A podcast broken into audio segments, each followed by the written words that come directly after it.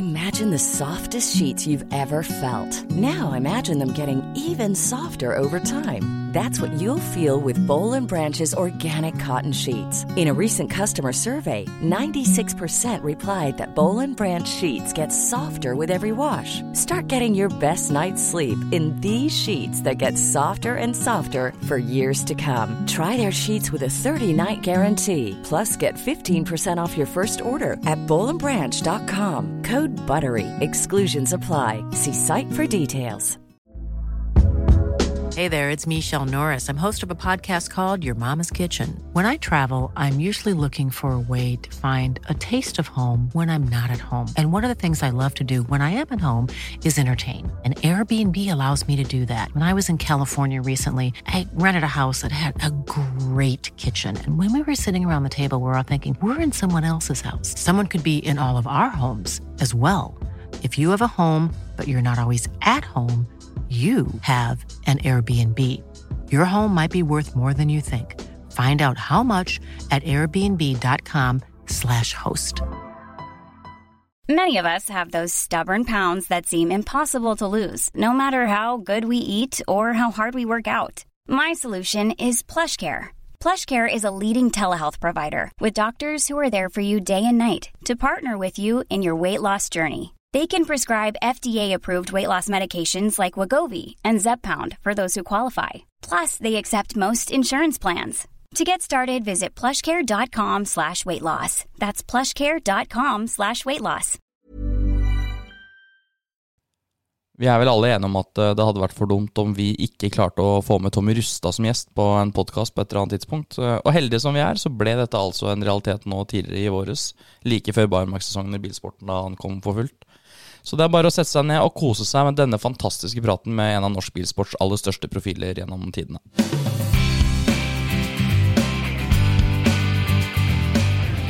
Det er litt tragisk hvis jeg skulle få en prikk opp i skallen her. vet du. Det ser ut som det, det ser ut som det har ett hårstrå som du glemmer å klippe. Ja. Ja, vi, vi har fått tragisk. Jeg får så mye sånne små røde nupper vet i huden innimellom. Kanskje må begynne med balsam? Ja, Lis, ja kanskje. Lisbeth, nei, Isabel sier eh, det ser ut som en skagensalat. Skal vi teste lyden litt, Tommy? Komme litt nærmere. Skagensalat.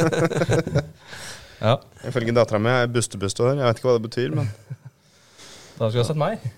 ja. Ja, da får man finne et nytt uttrykk. Skal vi se, når, du, når jeg snakker, så ligger jeg der. Hvor ligger du, Alex? Eh, det spørs hvor jeg har mikken. Ja, det Så har det er behagelig å sitte sånn, egentlig. Ja, Hva med deg, Tommy? Nei, jeg syns det er greit. Jeg hører dere veldig godt, i hvert fall. Ja. Lyden er fin og sånn. Ja. Kunne skrudd dere bitte litt ned. For, Ja, kanskje du er på treeren, tenker jeg. Sånn? sånn, ja. Der, ja. ja. Ja, Nydelig. Det er nydelig. Skal vi se Ja. Det ser sånn ut. Hva er det du drikker der? Vann. Det er vann, ja. Vi har, eh, vi har altså to. Vi har lik sveis, vi har lik drikke, og der sitter du. Ja, jeg er jo, altså Hvis dette har vært Nytt på Nytt siden sånn Hvem skal ut-oppgave, så hadde det liksom vært Det vært ferdig nå, egentlig. Dagsnytt 18. Ja, Én ting er at vi snakker om hodeform, og, men altså dere har oppnådd mye mer i bilsport enn det jeg noen gang kommer til å gjøre. Jeg liker at du setter pris på at du trekker meg inn i samme linje som Tommy her. eller gjelder oppnå ting i bilsport. Du har jo tross alt to NM-gull, da. Jo, jo, men altså Men altså De kommer ikke av seg sjøl, dem heller. Nei, du har jo noen flere. Altså Om ikke NM-gull Du har kanskje ikke så mange NM-gull, men du har mye gull. i hvert Ja, ni NM-gull. Ok, det er litt mer enn to. Det er, eh, men hvor mange gull har du totalt, da, hvis du teller opp alt du har drevet og En, eh, um, altså, jeg har vunnet 18 mesterskapstitler, da. Med, fra Norgescup i gokart, og så NM og Til EM i rallycross, liksom. Ja. Men det er vel hvor, hvor høyt setter man det Da var jo på en måte EM en Da var ikke det toppklassen lenger, da var det supportklassen. Ja. Kan vi si. Svir sikkert litt at jeg sier det, da. det Nei, nei, Europa. men det er helt riktig, det. Ja, fordi kontra da STCC, som du vant på i hvert fall 2000, så var jo STCC veldig høyt oppe. Uh, hvor høyt, sånn når du personlig ser tilbake på hvor god du var da En ting er at du klarer å vinne EM i rallycross når du er over 40, eh, men, men STCC var ganske fett i år 2000. da så, Det var jo mange bilmerker og mange med, så alle, eller mange svenske bilimportører putta jo penger i STCC. Og det gikk jo på SVT Live, og det var veldig stort. Det var jo startfelt på 20-26 biler hele sesongen. Eh, Så det var jo Ja, det lå mye ressurser i, i eh, STCC sin satsing, da, totalt sett, med ja, Volvo var jo selvfølgelig store. Eh, Så hadde du med deg Telia, Eriksson. Det var jo store svenske industriselskaper som, som var med og sponsa. Hvor mange var det som da fikk betalt for å kjøre STCS, altså som var proffe? Nei, det veit jeg ikke. På den tida så en Fire-fem stykker, tenker jeg. Ekblom, Ekstrøm, Flash sjøl. ja, jeg vil tro det. Rusta? Nei, jeg fikk aldri lønn. Du gjorde ikke det, nei? Nei. Nei. Ikke Nei, det var sånn ja, Jeg kjørte med Volvo, så jeg, vi slapp å betale, da. Og så fikk vi beholde litt reklameplass på bilen som vi kunne beholde penga på sjøl. Så fikk jeg betalt for uh, andre typer jobber, da. Eventjobber og andre representasjonsjobber, da. Det fikk jeg betalt for. Så dekka de jo alt fra Jeg reiste til jeg kom hjem, da. Så jeg hadde gratis bil og gratis reise og ja, alt sånt. Men har du da alltid jobba ved siden av, med lastebilkjøring og Ja. Jeg lærte vel det litt av faren min, eh, for jeg ville jo at han skulle satse på å kjøre EM og VM, eller EM i rallycross den gangen, da, når Martin Skanke holdt på. Så masa jeg jo litt på han, og så sier han at nei, det har ikke jeg råd til. Jeg må kjøre hjemme i Norge, og jobb må gå foran. Og eh, det er så fort gjort å bruke opp penga på det her at eh, jeg får kjøre det vi har råd til. Og det er litt sånn jeg har vært sjøl òg, så så jeg har liksom alltid hatt jobb ved siden av for å ha noe å falle tilbake på. da. Men jeg har jo vært perioder som jeg har fått jobba lite, da. Men jeg har jo begynte jo med et eget lastebilfirma som jeg overtok en tømmerbil etter faren min i 2000, så jeg har liksom vært selvstendig næringsdrivende siden 2000. da. Men, så, ja, men 2000 år var en, en periode i karrieren hvor du var ganske høyt oppe sportslig. Ja, jeg vant jo. STCC mm, 2000, og da hadde jo så kjørt touring car. Først British Touring Car i 98, og så STCC da i 99 og 2000 med Nissan.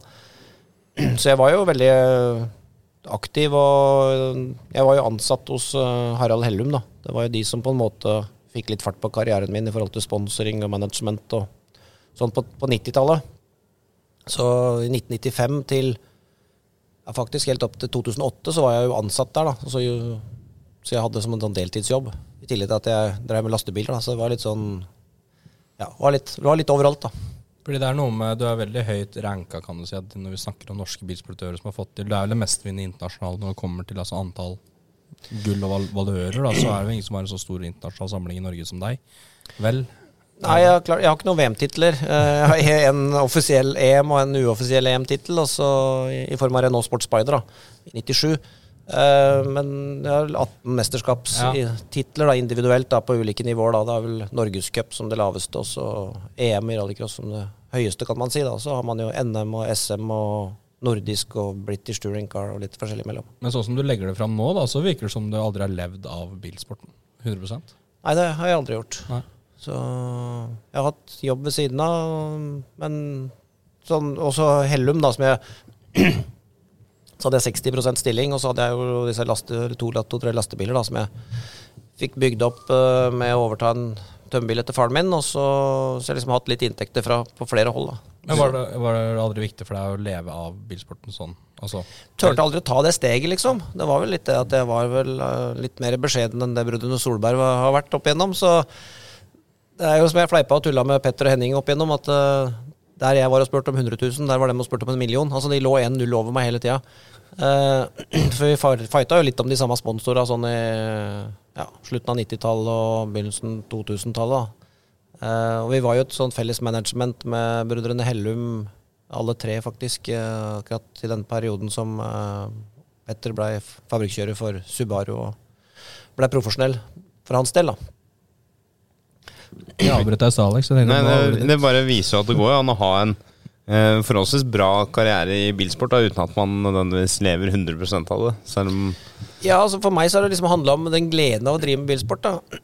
Og det Uansett hvilket nivå du kjører på, så er det ganske hard konkurranse. og Derfor så har jeg vært litt fram og tilbake med hva jeg har kjørt også. For jeg har vært avhengig av å kjøre for team som på en måte har vært interessert i meg, og som har hatt en del egne ressurser. Men eh, også som har vært Ja, som jeg har kunnet være med å delfinansiere med egne sponsorer. da. Så det har vært den der balansegangen med å finne et team som du kan kjøre på et eh, konkurransedyktig nivå, samtidig som du får enda til å møtes. da. Og så ja, jeg har hatt den jobben ved siden av. Men når du kjører for andre team, da, som jeg stort sett har gjort helt fra 1995 da, og framover, så det er klart at da når du er hjemme, så har du jo tid til å jobbe. Da er det jo den, mer den mentale biten og eventuelt holde seg litt i fysisk form. da. Så det var vel ikke så vanlig å trene så mye heller i den tida som jeg begynte å etablere meg utafor landegrensen. da. Så den fysiske treninga og alt det som ligger rundt det nå, er jo mye mer er jo på et mye høyere nivå enn når jeg kjørte, da. Der var man vel nærmest en kjempeatlet dersom man ikke røyka. Så, Ja, bortimot. Og da har du en, en eh, stor kontrast. Det er jo da dattera di, da, som er i rimelig god shape med turen. Uh, vært aktiv der. Men det virker som Isabel er mer opptatt av bilsporten sånn på sikt da, enn enn turen. Ja, ja, turen er mer Hun veit jo det at eh, det er sjelden du turner noe særlig etter at du har blitt 18-20 år. Og hun driver med troppsturn, da, det vil jeg merke, og det er ganske hardt for kroppen. Så, eh, som, som vanlig turen selvfølgelig er også, men eh, eh, hun ser jo for seg at hun kommer til å satse mer på bilsport framover. Det er jo det som er pri én. Så hvis hun må bortprioritere noe, så er det et enkelt valg. Men hun vil gjerne holde på med begge deler, da. Hva jeg tenkte på når du sa det, nevnte det med at du deala litt i samme sponsormarked som Petter Henning, og at eh, ja, det var, altså, eller man kjempa litt med samme kronene, så ser jeg den der, der og da tenker jeg på når du snakka med Thomas for en uke siden. Thomas Ski. Ja. Så ser vi den der. Han, eh, han landa vel på at det var vel hans At det sto litt mellom dere to, fordi Malbro skulle ha en norsk utøver uh, i formbil. Hvordan, men, eh, sånn Thomas så det, men husker du noe av det? Eller Jeg var, på en sånn shoot, jeg var, på en sånn shootout-greie, men jeg vet ikke om jeg gjorde det mot Thomas. Men dette, den relasjonen til uh, Marlboro, da, som var en velkjent sponsor uh, innen bilsporten, uh, så var jo relasjonen gjennom Terje Ski og Sven Berggren i, i sør, fra Sør-Sverige, som satt med rettighetene til Formel 1, eh, som hadde solgt inn det til, til eh, de norske, eller Norden. Da. Det var vel både Norge, Sverige, Danmark, Finland, tror jeg. Så det var jo noe, noe sponsorpenger i et omløp der gjennom TV-rettigheter og en nøkkelperson i som, ja, Sven Berggren. Da. Så, så inngangsbilletten for Thomas var nok litt lettere og, og tilgjengelig der, øh, sånn sett. Og så var jeg på en sånn shootout med Martin Stenshorn og var, Thomas med og kjørte? Eller hvordan dette var? I hvert fall, vi var på, i Barcelona en gang. Kjørte Formel Opel med noen biler fra Stuart Racing i England. Eh, og da var det også noen svensker og litt sånn. Og da, jeg var i hvert fall raskest på den testen, husker jeg. Eh, og, og da var det litt sånn Før vi skulle litt òg, så sendte jeg Det var den gangen det var telefax, da.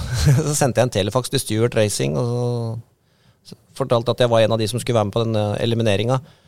Og at eh, jeg eh, lurte på om det var noe jeg, de ville at jeg skulle forberede meg på, da. For jeg tenkte det er alltid greit å bare kaste ut en ball. Og, og da fikk jeg høre det etterpå i evalueringa at jeg var den eneste som hadde tatt kontakt på forhånd og liksom etter, ja, stilt litt spørsmål da, for at jeg skulle være best mulig forberedt. Så det, det var litt av styrken min, tror jeg, at jeg var flink til å forberede meg eh, på, i forhold til det nivået jeg var på da på 90-tallet. Så Men hva spilte alderen en puss da, med tanke på når du nevner da sånn som Thomas og Martin, da, som da er en fem, seks, sju år yngre enn deg? mm.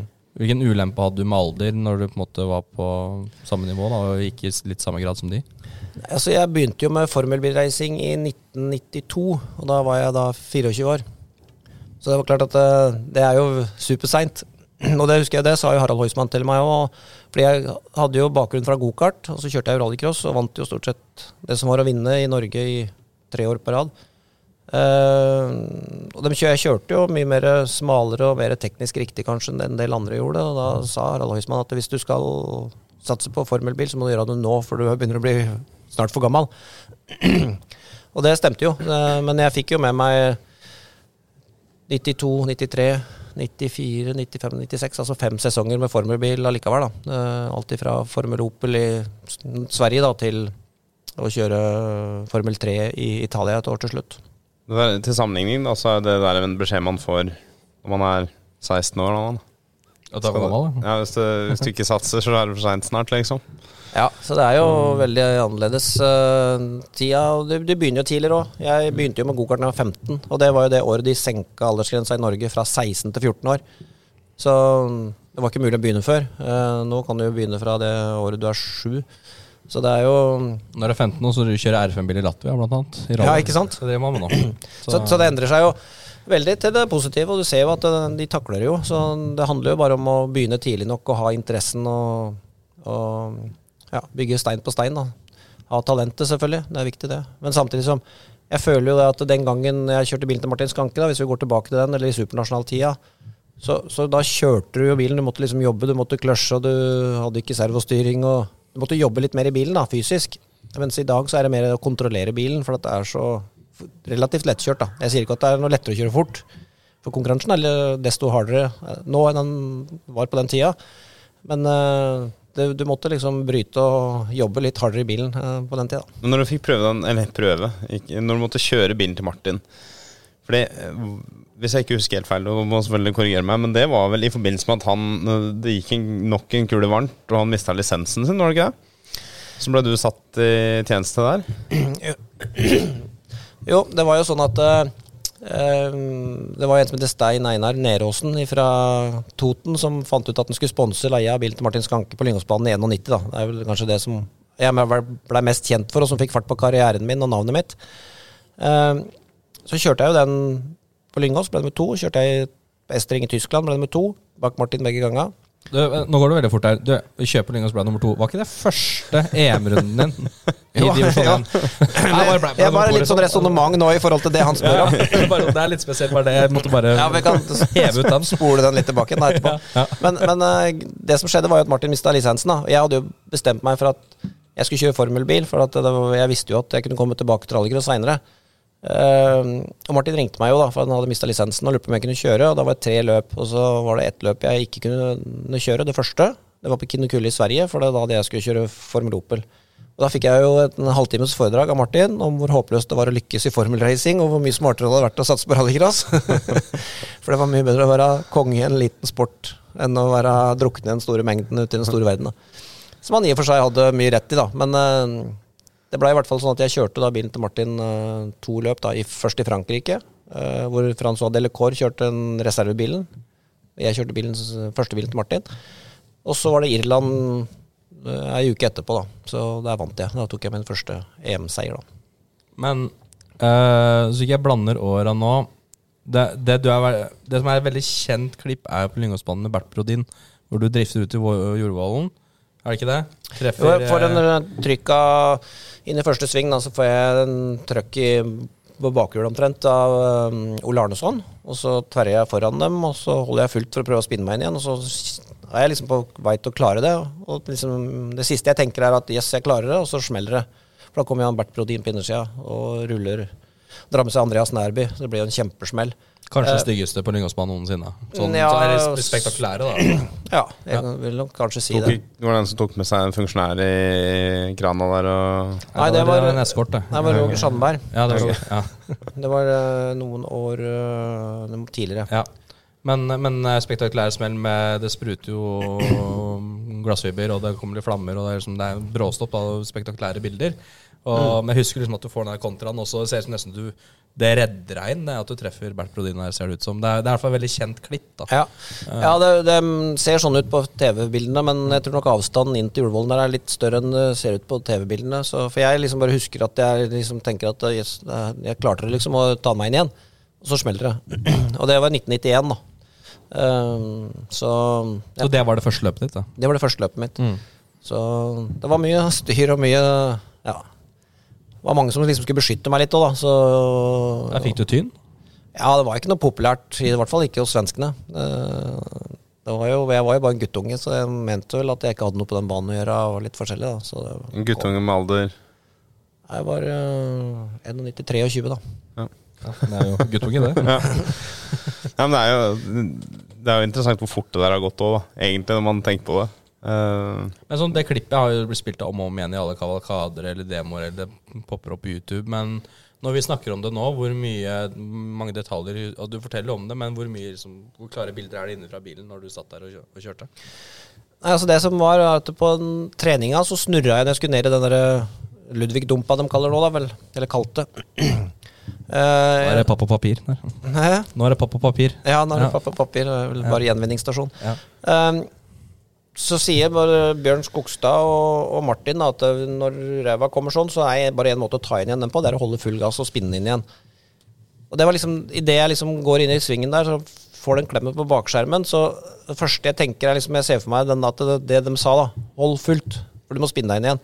Så helt på refleks så bare holder jeg full gass, og så er vi på fjerde gir. Så jeg, liksom, motoren er i ferd med å nesten dø. Og så er det litt turbolag på de bilene, da. Så jeg liksom tenker liksom shit, nå har jeg ikke effekt nok til å spinne. Men så kommer liksom jeg husker liksom bare liksom Motoren bare begynner å jobbe tungt, og så bare begynner den å dra. For da kommer boosten, og så klarer jeg å drifte sideveis, og så begynner jeg å ta meg inn igjen. da. Og så liksom tenker yes, og så smeller det, da. Så jeg husker ganske mye detaljer av den, den der sjølve hendelsen, faktisk. Men jeg husker jeg har sett et, eh, sett et klipp Jeg skal ikke prøve å parodiere Martin nå, men han sier at han har aldri vært så mye passasjer som han har vært under den gruppe B-perioden i, i rallycross. Åssen var det i bilen å kjøre? De var brutale, for det skjedde jo ikke så mye med en gang du ga gass. da, Men når turbotrykket kom, så var det jo ganske vilt. da. Men jeg må jo si at bilene var jo, var jo kjørbare, absolutt. Men de var jo litt stivere i differ og sånt enn de er i dagens biler. Så, men jeg husker at øh, jeg syns jeg fikk så dårlig fart ut av svingen nede i skankesvingen. da. Eh, for der kjørte jeg på annet gir. og da øh, fant jeg ut at hvis jeg ga gass idet jeg begynte å svinge inn, liksom ferdig med bremsa og begynte å svinge inn, da ga jeg gass. Da tima det seg veldig bra på en perfekt utgang. da.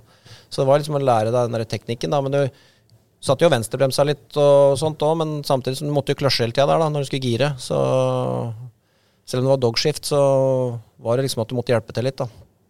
Det her blei vel egentlig mm, ja, altså, De bilene blei jo forbudt i rally, så det blei på en måte avfallet av bilene. Eller liksom, det blei på en måte endt opp i rallycrossen, for det var der liksom etterbruket var, var det ikke det? Jo, de gikk jo til noen samlere, og så gikk de jo til, øh, til rallycross mange mye, da. Så Men var det en bil som hadde gått f.eks. i noe rally-VM, de, de RS200-ene som dere kjørte? Veit du åssen chassis og sånn det var på de? den ene bilen var et ordentlig chassis, Det andre var bygd opp på reservedeler, tror jeg. Så ta de to bilene Martin hadde den gangen, da. Men historien på det er jeg litt usikker på, så jeg kan ikke svare deg med Det fins mange rundt der i landet som har full kontroll på de der RS200-ene og historikken på alle, men der er ikke jeg helt, dessverre. Nei, for det jeg tenker på er eh, Var den bare tatt rett ut fra rally, eller hvor mye modifisert ble det til rallycross i forhold til effekt, differ, bremser, dempere? Altså Jeg ble jo endra en del. Uh, Jeg husker Martin uh, skjelte jo ut i begynnelsen noen ingeniører fra Ford og fortalte dem at det gikk faen ikke an å ha disse helvetes akslinga pekende i alle retninger. For det ble så mye moment og effekttap, da. For den var jo bygd ja, for rally som en sportsbil, og kunne sikkert vært bygd mer teknisk riktig for å få til, ja, til, til, til rally eller til rallycross. da.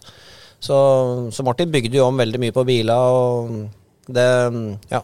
Det er noe Martin har vært dyktig på, så er det jo akkurat det der, med å bygge biler. Er det ikke han som egentlig har funnet opp kraftoverføring i rallycrosset? Altså rett og slett fordele krafta foran og bak, har jeg hørt. At han nærmest med en spak for første eskortene sine bare Han var med og Ja. utvikla en sånn regulerbar uh, firehjulstrekksystem som gikk vel ifra Hva gikk det fra? 50-50 til 27 foran og hva blir det? 82 bak?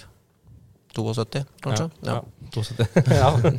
ja, nei, men, eh, ja, han var jo en, en eh, gründer der på mange måter, eh, Martin, men han gjorde aldri noe business av det sjøl. Altså, X-Track har blitt ganske store etterpå. Men, kan nok hende at Martin uh, har hatt noe mer interesser der enn det vi veit om òg. Jeg veit ikke, men Martin har vært lur bestandig. Så, men åssen er det altså, Han er jo en av de da, store profilene våre når det kommer til navn, eh, og var jo kongen på den tida før Petter tok over. Samtidig som du alltid Du har liksom vært der hele tida, vært liksom et av de store bisportnavnene. Men det å, å jobbe med Martin da, eh, som den store norske bisportprofilen da, eh, mens du var en ungfole der, åssen var det å jobbe med han? Nei, Martin er jo Han har jo et stort hjerte, og han er jo litt sånn, sånn som vi kjenner han, da. Så det er litt mye krutt, og så er han jo snill som et lam eh, i kombinasjon. Og så er det jo mm, Han var jo veldig hjelpsom at jeg skulle liksom være med å, fortsette karrieren min i rallycross. Eh, fordi etter 91-sesongen så prøvde vi å få til å kjøre et sånt tobilsteam i 1992, da. Eh, men det er klart vi måtte jo på plass en del penger. Eh, Det jobba vi for å prøve å få til, men vi klarte ikke å skaffe så mye penger. Det var vel snakk om 800 000 da, den gangen for å kjøre en sesong. Eh, Det klarte vi ikke å skaffe, så, jeg var jo inne på tanken å droppe det formelbilgreiene, men det klarte jeg faktisk å skaffe penger til å kjøre da i Sverige. Så det var derfor det valget ble tatt, da, i kombinasjon med at ja, eh, det, eliminerte seg litt sjøl i og med at vi ikke klarte å få inn penger nok til å kjøre EM i rallycross. Eh, Men jeg lærte veldig mye av Martin på den tida. Jeg var nede i garasjen der og prata litt, og han kom jo hele tida med noen sånne kommentarer. eh, Enkle måter å tenke på som jeg har dratt med meg veldig mye videre.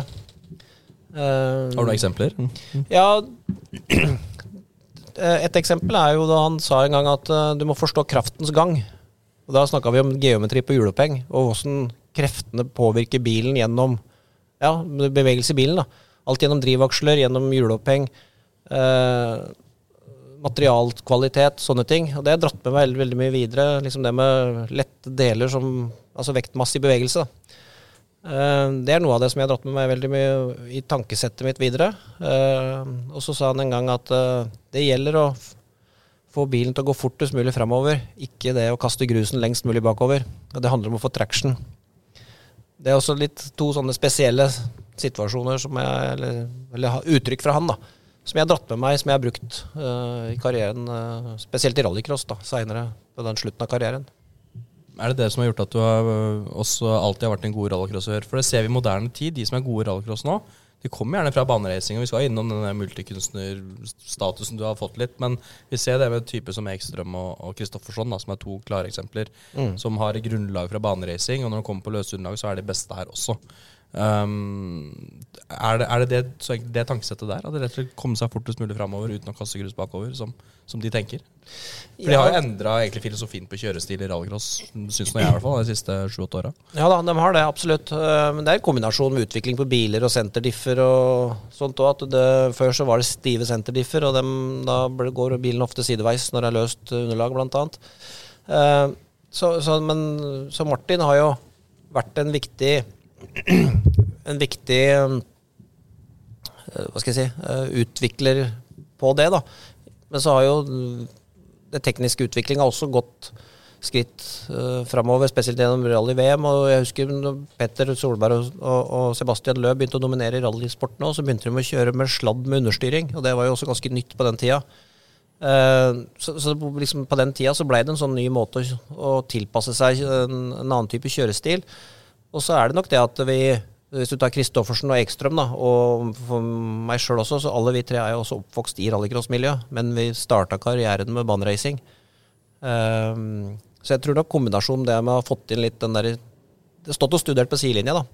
Uh, og apropos det skal jeg ta en, også en morsom historie. fordi at jeg kjørte Volvo 240 på Lyngåsbanen i 1990, da da jeg kjørte den røde Volvoen og var eneste bilen med tohjulstrekk som klarte å kvalifisere meg til C-finale i EM-runden der sammen med firehjulstrekkere. Så kommer det bort en guttunge og så lurer på om jeg har firehjulstrekk eller ikke. Eh, nei, det er vanlig bakhjulstrekk, supernasjonal. Ja, det var det jeg visste, sa han på svensk, og så durra han av gårde igjen. Det var Mathias Ekstrøm, tolv år gammel. Ja, det er tøft. Det, men var du litt forut for din tid, når du ser på en måte um, Når du ser eh, Johan og Mathias i dag, hva de har blitt kjente for, hva de har fått til, og det bakgrunnen osv., var du egentlig litt dem, bare en generasjon eldre? Ja, på en, til en viss, viss måte, kanskje, men de har jo vært Altså, det er litt en helt annen, annen hva skal jeg si, filosofi rundt det å drive med bilsport i Sverige. For det er liksom Det er mulig å drive med som en, en del av industrien, da. Altså næringslivet, bilindustrien, mekanisk-teknisk industri i Sverige bruker jo bilsport på en helt annen måte enn det norsk næringsliv gjør. da. Eh, Sånn at det er lettere å kunne leve profesjonelt av, av det i Sverige. Det er mer vanlige tradisjoner for at bilimportører engasjerer seg, bruker penger på det. og De får med seg eh, store internasjonale konsern og selskaper. Da. At det er like vanlig å bruke penger på bilsport, motorsport, som i Norge så skal det brukes på ski og håndball og fotball. Så det er det som er ulempen med å være nordmann, at det er vanskeligere å kunne drive profesjonelt. da. Det, det gir veldig mening det du sier nå, for da tenker jeg på liksom Olsberg, så er det Ford, selvfølgelig EKS, Audi, Kristoffersson, Volkswagen. Altså, det gir jo mening det du sier der. Ja, det har vært sånn, og det ser man jo bare på STCC. Ja. Altså, vi klarer jo ikke å bygge opp den racingplattformen i Norge heller, som det har vært i Sverige. Um, men igjen så er det liksom bilimportørene engasjerer seg. Det er liksom en helt annen holdning til bil uh, blant ja, industri næringsliv. Uh, de bruker bilsport som et markedsføringsverktøy på en helt annen måte enn det man gjør i Norge. Rallysporten fikk jo fikk en slags renessanse nå under Eller nå. Altså under Petter Solberg og når, når det tok av. Og så begynner jo racingsporten nå å vokse litt. Tror du vi kan få en sånn effekt nå som vi begynner å få de norske bilsportutøverne på såpass høyt nivå, da, med Dennis Olsen i Formel 2, vi har den Nei, i D- DTM og Dennis Hauger i, i Formel 2. Og um, ja, øh, forhåpentligvis også øh, flere, flere kjente, da, som selv om, selv om du var i BTCC, STCC og sånne ting, så du fikk jo ikke den publisiteten og den, den oppmerksomheten da, som du får i dag. Nei, det var jo ikke de der sosiale mediene heller tilgjengelig da, som det, som det er nå. Så det var jo sånn at vi mm, sendte ut pressemeldinger etter hvert løp. da, Dette gikk jo gjennom brødrene Hellum, da, som var en viktig støttespiller. som vi hadde jo brukt jo Hallgeir Raknerud, da, for da var jo han eh, journalist den gangen og til å skrive pressemeldinger. Og vi sendte ut, og vi ja, prøvde å distribuere og få mest mulig ut av det. og så har jo heller ikke jeg vært den typen som har stikket nesa lengst mulig fram for å få oppmerksomhet annet enn Jeg syns det er gøy å få oppmerksomhet for det jeg har gjort, ikke for alt mulig annet. øh, for å være klovn eller kreativ på andre områder, da. Så, så jeg har vært kanskje litt for beskjeden som person i det sjøl også, i forhold til det å få mye oppmerksomhet. Men øh, det har liksom vært, ja, for meg så har det vært den kjærligheten til sporten og det å kunne jobbe med, med bilsport som bilsportsutøver som har vært drivkrafta. Så, så har jeg vært heldig å hatt med meg flinke folk på sidelinja da, til å ordne med sponsorer og litt sånn. Selv om jeg har driv, drivkrafta har jeg jo hatt sjøl, og det må må en ha. Passion som eh, Passion, som Petter sier, ja. Han veit sikkert ikke hva det ordet er på norsk. ikke. Nei. men det er, det er noe med det. Og det er klart eh, det, Du har jo veldig bred type karriere, og, men vi ser også i dag at det blir veldig inn også å Holdt på å si ikke multitaske, men altså, det, altså man låser, det er mange som ikke låser seg til lenger enn. Ehm, vi ser jo et eksempel i Norge, f.eks. Marius Solberg Hansen, da, som, som satsa like hardt i tre grener. Uh, Isabel, dattera di, skal jo nå drive med baneracing, men det var jo liksom gokart lenge. Jeg skjønte jo at det er viktig treningsverktøy for henne fortsatt. Mange kombinerer rally, rallycross. Um, hvor viktig er det, da, altså basert på dine egne erfaringer, rett og slett det å kunne mestre ulike grener og disipliner? Jeg mener at det er viktig å kjøre variert for å på en måte lære seg å håndtere bil. da. Altså Det å leke med bil da, er viktig for å på en måte ha bilkontroll og bilforståelse. Um, og det å kjøre bilcross med en bil med dårlige kjøreegenskaper, altså det er også mener jeg er bra trening. fordi det er krevende å kjøre fort med en bil som ikke har kjøreegenskaper òg. Så, så, så alle, all type bilsport krever jo uh, at du makser det du kan da, for å på en måte kjøre fort. Um, og da jo mer du kan leke med bil, jo mer bilkontroll og mer bilforståelse får du. Uh, men samtidig som hvis du skal satse stort, så tror jeg det er vanskelig å kombinere for mye fram og tilbake. Det er ikke så mange som får til, men du har noen sånne som da Ekstrøm. Uh, Løb er det kanskje den verste i dag på akkurat det der. Han kjører Ja, alt. Som men, er. Ja, Løb er dyktig, men han har ikke løst helt den der beste eller koden da med rallycross, sånn som Petter har. Jeg syns han mangla litt. Han kjører jo absolutt fort, men han mangla litt den derre kunsten med å, å være rå nok fra, ut fra start, ofte. Um, men du har sånn som Stig Blomkvist, han var jo også en som kjørte fort uansett hva han satte seg i. Da er vi selvfølgelig et par generasjoner tilbake. Uh, men jeg husker fra min egen tid, når jeg skulle begynne å, å begynne å kjøre altså Det var en sesong da som jeg kjørte både bakkeløp og rallycross, eh, baneracing og alt samtidig. Og da blei det for mye switching fram og tilbake. Så hvis du liksom skal prestere på et, på et høyt nivå, da, så er det nok smart å holde, forholde seg til én sport. Men jeg tror at den grunnleggende plattformen, så tror jeg det er smart å, å kjøre mye variert, da, for å på en måte få, ja, få det inn litt uh, grunnleggende fra bånn av. Nå er det jo mye kjøretrening å hente i simulator og sånn da, som vi ikke eh, hadde, hadde på den måten før. Jeg vet ikke om du har eh, bygd noe simulator til eh, Isabelle, eller om hun Jo, jeg har bygd en enkel en. En Veldig enkel en nå, faktisk. Jeg tok en gammel gokartram og slipte av noen tankfester og sveisa på noen stolfester og pedalsett. og laga skjermfeste på. Så hun har en sånn hjemmelaga enkel sim som jeg kjører litt med, da. Så, men, øh, og jeg har prøvd det, men jeg fikser ikke det der øh, digitale på samme måten som det de litt yngre gjør. Generasjonen født før 80-tallet sliter litt med akkurat det der. Ja, Kommer seg allerede helt inn. Ja, men det er litt, litt varierende. òg. Jeg også sliter litt med å få det liksom til å sitte. Jeg, jeg ikke. Jeg får Det ikke noe det er feeling med det. Jeg får ikke noe slepp-feeling. Ingen feeling. Jeg ikke får noe gjennom ryggmargen. Så nei, da jeg bommer på bremsepunkter og får ikke noe fartsfeeling i det hele tatt. Så nei. Men det er jo treningssak, selvfølgelig. Nå hører liksom Tommy sier liksom 'lek med bil', her, jeg tenker det samme som meg. Og liksom En stor del av din kjente karriere har jo vært lek med bil med Jan Erik Larsen.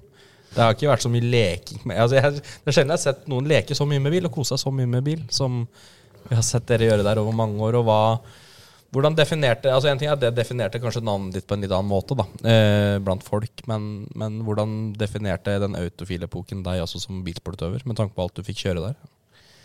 Altså Det er to vidt forskjellige verdener. Kjøre en racerbil og kjøre en eh, type gatebil på en bane. Så jeg tror ikke det tror ikke det har påvirka meg noe spesielt i hva skal jeg si, positivt i forhold til bilsporten. Men jeg har kanskje vært motsatt, at jeg har hatt bra med bilkontroll, som jeg har dratt med meg over på de TV-programmene. For det handler jo om å gjøre en, en jobb, en underholdende og troverdig jobb i forhold til det å teste biler, som jeg har gjort. Samtidig som du skal jo levere tilbake den bilen, helst like hel òg. Sånn at uh, han kan ikke holde på med det der eh, hvis han driver og kjører ut stadig vekk. Så, så får han jo ikke lov til å låne dyre biler til flere millioner. Men uh, det har jo vært en unik opplevelse, og jeg har fått kjørt veldig mye variert. da. Så jeg må jo si at jeg har blitt litt bortskjemt. For at det Ja, jeg har ikke helt kontroll på hva jeg faktisk har kjørt, men det har vært mye gromt, da. Det har jo det. Har det gått uh, galt? Og under opptak? Ikke noe større. Uh, den derre uh, uh, SRT-en 10 den snurra jeg vel ut i grusen med en gang. Uh, så um, det ble en noen riper i to felger og en liten lakkskade oppunder splitteren foran. Snakker vi Viper eller Ram nå? Uh, den var, nei, Rammen, den som vi har på i Mo i Rana. Jeg skulle innom der, for det er jo Er det noe vi husker godt, så er det den Dodge Rammen. Det er jo blitt et sånn klassisk, legendarisk klipp fra Autofil, altså hele den seansen her, da. Ja. Nei, så, så det har gått bra. Jeg inn- først er inne på det. da. Jeg skulle gjøre en jobb for Bilia med Volvo nye V40 sammen med han Erik Solbakken, er ikke det heter? Han som er på TV-programlederen. Jo da, det er en som heter Erik Solbakken. Ja, altså, ja, jo, på TV, fra ja. Hemsedalen. Ja. Ja, vi drev opp i- skulle lage noe interngreier, og så helt nyutvikla Volvo V40 oppe i Holmenkollen på, på vinteren. Og så skal jeg ta en brekksladd og, og snu, da. Og så av en eller annen merkelig grunn så ja, Jeg mener jeg har ikke de- giddet å diskutere det med noen, men i hvert fall så Da bilen sto på tvers i veien, så var bare bremsepedalen steinhard, og så trilla bilen. Og så det var litt av grøfta, da, så der sto det ei buske som jeg traff midt på fronten. Da, så det ble en liten bulk, da. Så det er litt sånn, var litt passe pinlig, da. Men øh, ja, det var en, øh, en øh, hendelse som ikke skulle vært der, da. Ellers så har det stort sett gått bra. Hvis det er det som har gått mest gærent i alt det Tommy har drevet med, så har det gått ganske bra. Da kan vi Ja, det er Ja da, fin, det har jo det. fin eh, CV. Så det er i hvert fall Jeg kan ikke komme på noe mer i farten. Det er sikkert noen som har noe på meg, men Men, en ting er det ripe i fronten men er det en stor ripe i lakken på seg sjøl, akkurat det der, liksom? Med, altså, man er en proff her, og så ja. driter han seg ut? Ja, spesielt det med den Erik Solbakken og den V40. Det følte jeg var passe pinlig. Men eh, apropos sånn med krasjer og sånn, det er jo veldig få som har hatt så uh, lange og omfangsrike karrierer som deg uten å ha hatt noen ordentlige krasjer. Og Vanligvis har jeg litt sånn ryggmargsrefleks på diverse krasjer, men har du, du har, må jo ha hatt de dine òg. har det vært noen ordentlige reiser? Eller har det Thomas nevnte en forrige køte med noe Formel Opel. ja, Ja, det var på Sandfart. Da var jo Thomas der. Så det var um, Jo, det var vel en av Jeg har hatt to sånne skikkelig harde head on. Um, hvis jeg kan ta de jeg, det jeg har hatt opp igjen, altså, første året jeg kjørte rallycross, var det jo 1987 med Volvo 142. Uh, den hvelva jeg med to ganger. En gang gikk jeg opp i Melhus. Da bare gikk jeg kutta litt mye, så jeg kjørte i et sånt betongelement, og så slo vi framhjulet, og så vippa jeg på taket. Og så rulla jeg på Hellerstadbanen på Dal, i den siste målsvingen der, og jeg fikk så fin sladd og trodde kanskje det skulle gå på slutten der, for den nyper litt i målsvingen, og så huka jeg innekant og så slo rundt. Det er vel det jeg rulla med Det var den gangen banen gikk rundt startplata der, det. Ja, Ja. stemmer. Det er ordentlig lenge siden. Vi gikk jeg jo om til var omtrent nabo. Ja, ja, jeg veit han er fra området der. Ja, ja. Så, så det var i 1987. Det var første året, da var jeg 18 år, da. Eh, Det var de, de rulla med den, og så rulla jeg med en 240 bakkeløp i Vamma. Bare jeg og Lisbeth, eh, kona mi, vi rulla jo på Jeg på lørdag, hun på søndag, i samme svingen. Samme helga. Samme helga. Men det var ikke mann og kone da. Da var vi ikke mann og kone. Nei. Vi bare kjente hverandre godt. Eh, det var rulla der i Vamma eh, med den 240-en. Eh, og så hadde jeg da i 94 på Sandfort Vi skulle kjøre sånn oppvarmingsløp til Før vi skulle kjøre EM eller Europacup i Formel Opel. Så kjører, vi, kjører jeg på Sandfort, tar igjen en bil som ned langsida, ligger og slipstreamer, og så skal jeg gå ut og legge meg ut og bremse, da. Bremse meg forbi. Og det jeg legger meg ut, så bremser han mye tidligere enn det jeg hadde beregna. Så jeg kjører den i bakhjulet, river av venstre framhjulet. Og da tipper jo den bilen ned, da. øh, og slår av bremseslangen òg, sånn at jeg, når jeg tråkker på bremsen, så er det jo ikke noe brems i hele tatt. Veska bare trykker ut, og så er, har du jo da det Uh, ja, slo av venstre framhjul. Høyre bakhjul den løfter seg opp i lufta. Så jeg har jo egentlig i praksis bare brems på et venstre bakhjul. Men i tillegg til det, altså, den her bremsemekanismen som vi har i alle biler til å bremse, justere bremsebalanse mellom for- og, og bakaksel, den uh, vaieren går jo på kryss foran gasspedalen. Så når jeg trykker den bremsepedalen helt i gulvet, så drar jo den med seg gassen. Så det blir jo ikke noe brems i hele tatt. Og så den er, Alle vet jo Sandfort der er en 180 graders sving igjen der. Den, eh, da ble det ganske kort vei bort til eh, dekkstabla. Du blei litt Tarzan der, da, egentlig. Ja, det er eneste gangen jeg trodde at, så tenkte at oi, nå dør jeg. Og så bare ikke helvete, liksom. Og så bare spente jeg alle muskler, og så satt jeg jo langt inn i dekkstabelen der, da. Men det var jo jeg, Da når jeg liksom kom til meg sjøl, så jeg var, jeg var ikke lenge borte, men jeg var nok litt forvirra. Så står jo motoren og går på fullt turtall, da, så jeg sitter jo med beinene på, på gassen. Da, så den går, jo bare på turtallsperra, motoren. Så jeg stopper jo den da, ganske fort, og så går ut av bilen. Og så kommer det jo bergningsmannskap og sånt, men jeg bare går tilbake i, i depot. Og når jeg kommer inn i depot, så finner jeg ikke veien til hvor vi hadde parkert, og snubla en fortauskant, og det var skikkelig forvirra. Så Erik og Svein, da, Svein Bredesen som kjører rallyrampa, han var jo med. Og så Erik Lilleseth som skrudde for meg på den tida, han øh, Ja. De, de anbefalte meg å ta meg en tur på legestua, da, så jeg var der til litt observasjon. Og så var vi der øh, Ja, bilen ble jo ganske skrot, da. Så det verste var vel å ringe hjem til Harald Hellum og si at vi hadde skrota en bil før sesongen starta.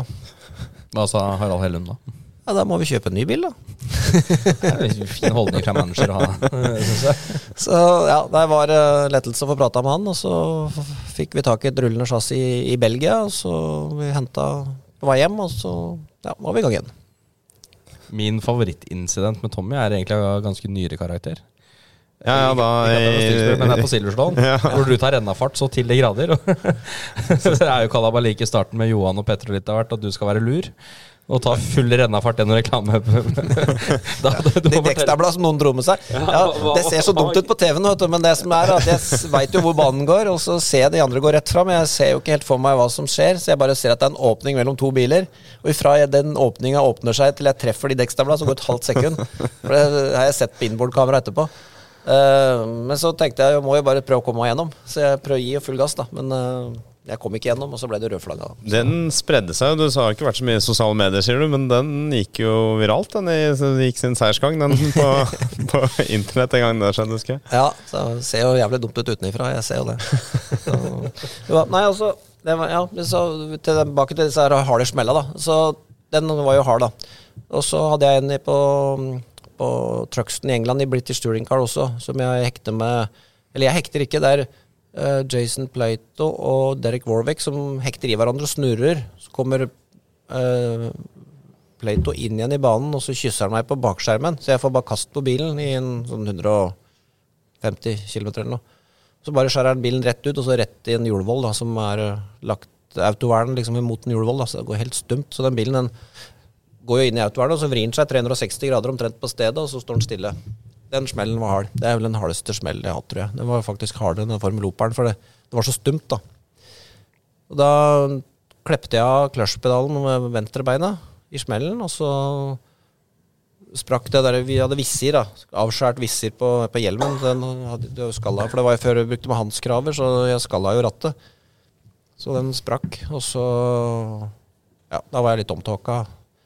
Så, men det, det gikk jo bra da. Det var det noen rødmerker etter selene og sånt da, over skuldrene. Men Det jeg ofte har lurt på med sånne smellere, er når man ikke hadde Hans på den tida. Altså, hvorfor? Mer hvorfor enn hvordan klarte nakkene seg? nei, si det. Bedre trent, da. Jeg tror ikke akkurat det, men eh, nei, det Jeg vet ikke, men kroppen flekser jo ganske mye, da. Du kan jo tenke deg Skuldrene går jo bakover, og så går huet fram, og så er skalla i rattet der, men eh, Nei, det Jeg vet ikke. Det har jo heldigvis ikke fått noe varig men, tilsynelatende, i hvert fall. For å, for å ta litt den der karrierestigen din litt tilbake. For Du var innom rally, eh, gokart, selvfølgelig. Rallycross. Og så formelbil, og så var det BTCC, eller var det STCC først? Ja, etter formelbil så kjørte jeg et eller to år da med Renault Spider, sånn Europacup. Um, og det var jo 96, da kjørte jeg parallelt med Formel 3. da, Kjørte jeg uh, Renault Spider. Da kjørte vi jo to løp i Monaco uh, samme helga. Kjørte både to klasser, da, både Formel 3 og Renault Spider.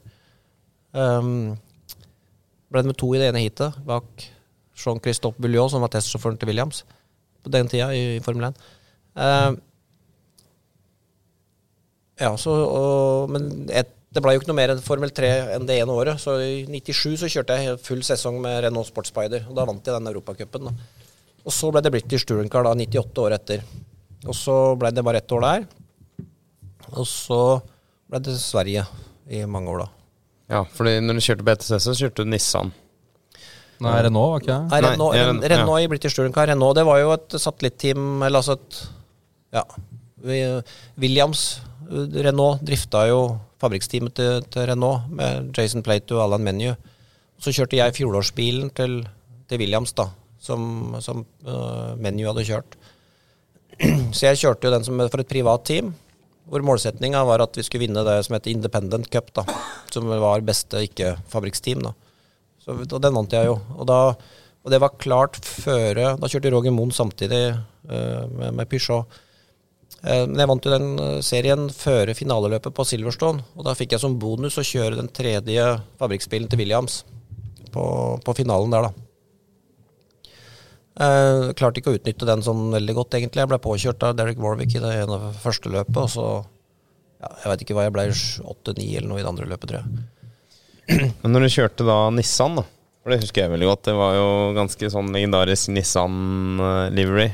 Med den hjelmen på sida, gjorde du ikke det? Var ikke det Primera du kjørte da, eller husker jeg helt uh... Nei, du er på rett kjør nå. Ja. Det er, Men det eh, var da i STCC, da. Det var STCC. Da var det Elg Motorsport. Eie Elg, som er manager for Markus Eriksson i dag, annet. Lurer på om bilen fortsatt har den offisielle løpsbanerekorden på Arctic Circle. Det stemmer nok, tror jeg. Jeg tror den står, også rekorden min fra den bilen står på Anderstorp i Sverige. Um, um, ja, så jeg kjørte to år med Nissan. Jeg vant jo sju løp med den Nissan i Sverige 99. Men så da hadde vi funnet ut at eh, for om vi skal være sikre på at ikke det skulle være noe neste C-semester før finalehelga, så hadde vi jo doble poeng i den i 1999. da. Det ble jo skrevet inn i regelverket før sesongen, så alle visste jo om det. Men jeg kom jo dit med en ledelse på 41 poeng. Og det betyr at uh, hadde det vært en normal uh, skala der på poengene, så hadde jeg vært mester. Men i og med at det var doble poeng da, på de to løpa vi kjørte, så var det jo 80 poeng å kjøre om. Jeg veit at du ikke vant i 99, så noe sier meg at det ikke gikk så bra i finaleløpet. Ja, jeg blei jo torpedert. eh, eller i hvert fall prøvd å kjøre veldig godt av forsøk på å bli kjørt av banen i, i eh, første heatet av Tommy Christoffersen. han bomma på meg, og så traff han Kim Espbjørg isteden, som var foran meg. Jeg hadde gjort et dårlig kval, og det var, det var bare masse krig. Jeg husker ikke detaljene akkurat på hvorfor jeg var så langt bak i feltet. Men jeg var nå et stykke ned. Eh, så jeg fikk ikke poeng i det første heatet. Jeg havna jo inn i den smellen, ja da, men eh, mm, han kom jo bakfra, så jeg så jo, så jeg styrte jo aldri inn, men eh, det ble jo bråstopp foran der, da, så jeg havna i en smell der. Så jeg ja, tok ikke poeng i første løpet. Andre løpet så var det den stjernesmell i starten av jeg prøver å gå på ytteren av Mathias Ekstrøm som ja, for jeg har en knallstart, går på ytteren, og så vipper han meg på bakskjermen. Da, så jeg, det blir stjernesmell med en 10-12 biler. Så jeg fikk jo ikke et eneste poeng. Jeg. Hvor ofte har den smellen blitt snakka om i rallycross-paddocken i litt mer nyere tid? Nei, det tror jeg ikke vi har snakka noe særlig mer om, faktisk. Så det er uh, vi, vi er vel enige om at uh, Vi var vel ikke enige om hva som skjedde der. Jeg, tappte, jeg tapte både Jeg tapte både racet, krigen på banen og i Hva heter det for noe? På, I appelldomstolen litt seinere. Ja, du, du meldte inn, ja. Ja, eller teamet Ja. tok jo det der videre, da, for de mente jo at det, det var en rein påkjørsel. Og hvem ble mester det året? Nei, Mathias Ekstrøm. Mathias. Så fikk jeg ta revansj året etter, da. Ja. Så da vant jeg med Nissan, da, samme teamet.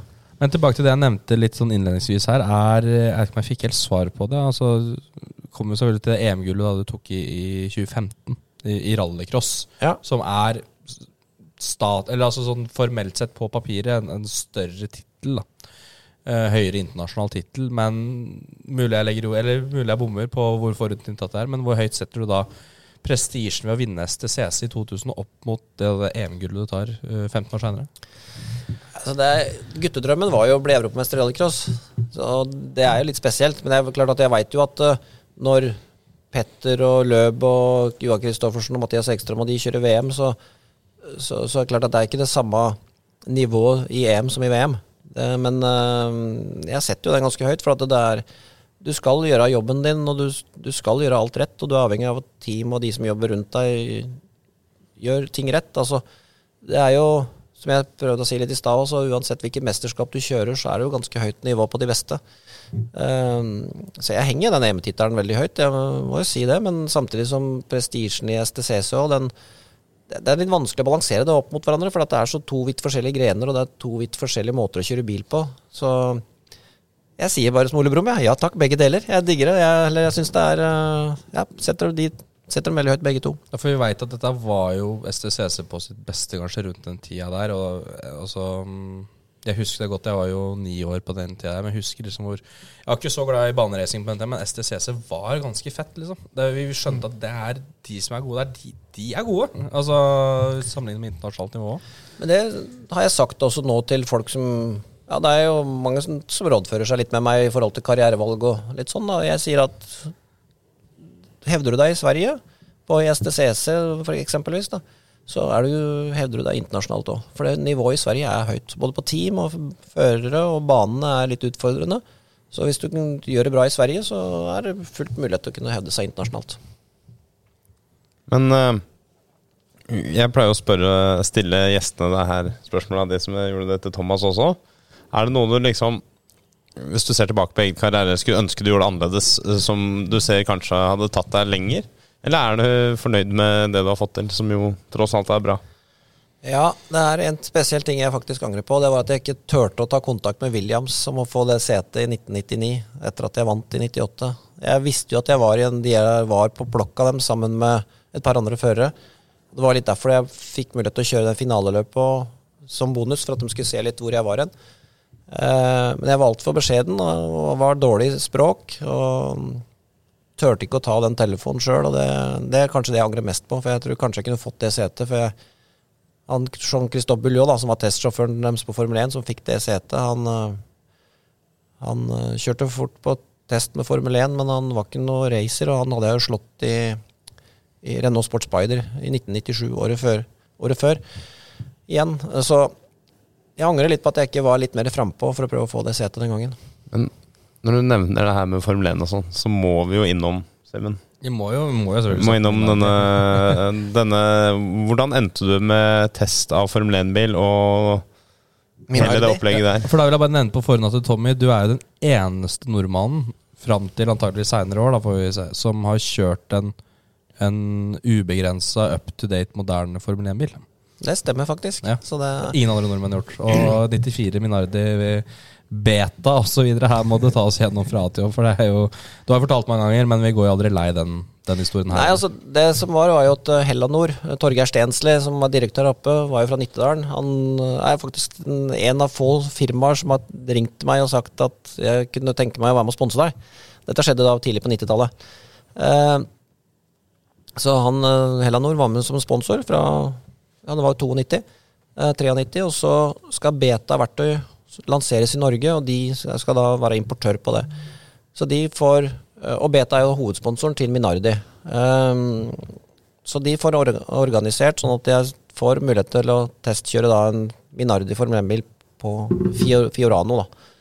Um, alt kommunikasjon går jo gjennom Hellanor markedsavdelingen til Beta til Minardi, så jeg er jo ikke så veldig involvert, men det blir i hvert fall arrangert en tur, og vi reiser nedover. Vi drar inn på, på Minardi-fabrikken, om man skulle kunne kalle det det. Eh, og ble møtt litt sånn Ja, ikke så veldig Det er ikke noe sånn varm velkomst. Og så, ja, så fram og tilbake med kommunikasjon og hvor mye jeg skal få kjøre, og litt sånt, da, så får jeg prøvesitte. Og, og hvis De støper ikke noe sete til meg, men de finner et sete som passer, som jeg sitter greit i. da. Um, Og så møter vi på banen på morgenen som avtalt, og jeg får kjøre, og så sier hun at du får kjøre én runde for fotografering. That's all. Og så liksom én runde, liksom. Er det er det den her det dreier seg om? Ja, det er kun fotosession. Ikke noe test. Eh, ja vel. Og så hva er det som har skjedd, liksom? Og så står hun på det. Én runde. Og så hadde vi jo med oss litt presse, og det var jo med sikkert en ti-tolv journalister nedover. For dette var en ganske stor begivenhet sett til norske Ja, ja, det var jo det. Så det var jo både folk fra både NRK og TV 2 og ja, vi menn og gud veit hvem som ikke var med. Det var, var bra med presse der. Og så fikk ikke alle bli med inn engang. Det var bare satt en begrensning. Så og så mange får være med inn. Så moderen og faderen, eller Jeg er litt usikker på om moderen var med, farsan var i hvert fall med. Han fikk ikke komme inn. Og Stian Sørli, han ble også sponsa eller noe, han var jo med nedover, men han fikk komme inn, tror jeg. For de måtte plukke ut noen som fikk komme inn. Da. For dette var jo på Fiorano, på testbanen til Ferrari. Eh, som det ender opp at de varmkjører bilen, og det er en ganske lang prosess. da, Jeg setter meg oppi og kjører ut, og kjører liksom, Kjenner jo litt på det, kjører inn igjen, og så ja, får kjøre to runder til, da. Så liksom litt happy, da. Eh, kjører ut igjen, og får jo kjøre full spikk ned langsida en gang, og ut på andre runden, og så ut av Hornhall, så jeg er litt for rask på gassen, og så spinner den seg løs, da, så jeg snurrer. Og da var det slutt på Da var det, var det over. Så det ble to og tre kvart runde, da. Det var din Formel 1-karriere. Det var min Formel 1-karriere. Jeg ser jo det i etter- ettertid også. Jeg hadde kjørt to år med Formel Opel, liksom, som egentlig var en lettkjørt bil, og så hoppe inn i en Formel 1-bil. Så jeg var jo ikke moden for det vet du, den gangen, men uh, opplevelsen var stor, og ja, vi fikk mye publisitet rundt Beta, som skulle introduseres i Norge, så det var vel Det funka jo på sin måte, men eh, det var vel ikke det Det ble ikke noen Formel 1-karriere for å si det sånn. Det blir jo kalt for PRI. Åssen føltes det å kjøre Formel 1-bil? Nei, det var jo gromt, selvfølgelig. Men litt, du var jo, jeg var jo redd, livredd for at jeg skulle kjøre og klarte jo ikke å utnytte aerodynamikk eller noen ting. Men øh, jeg husker at når jeg skulle gasse ned langsida, så liksom dro det bra at jeg kom til 10 000 omdreininger, og da var det som å bli skutt i ryggen. Da skjedde det, det bare smalt, og så bare wow! Da var det 17 000, så var det girskift.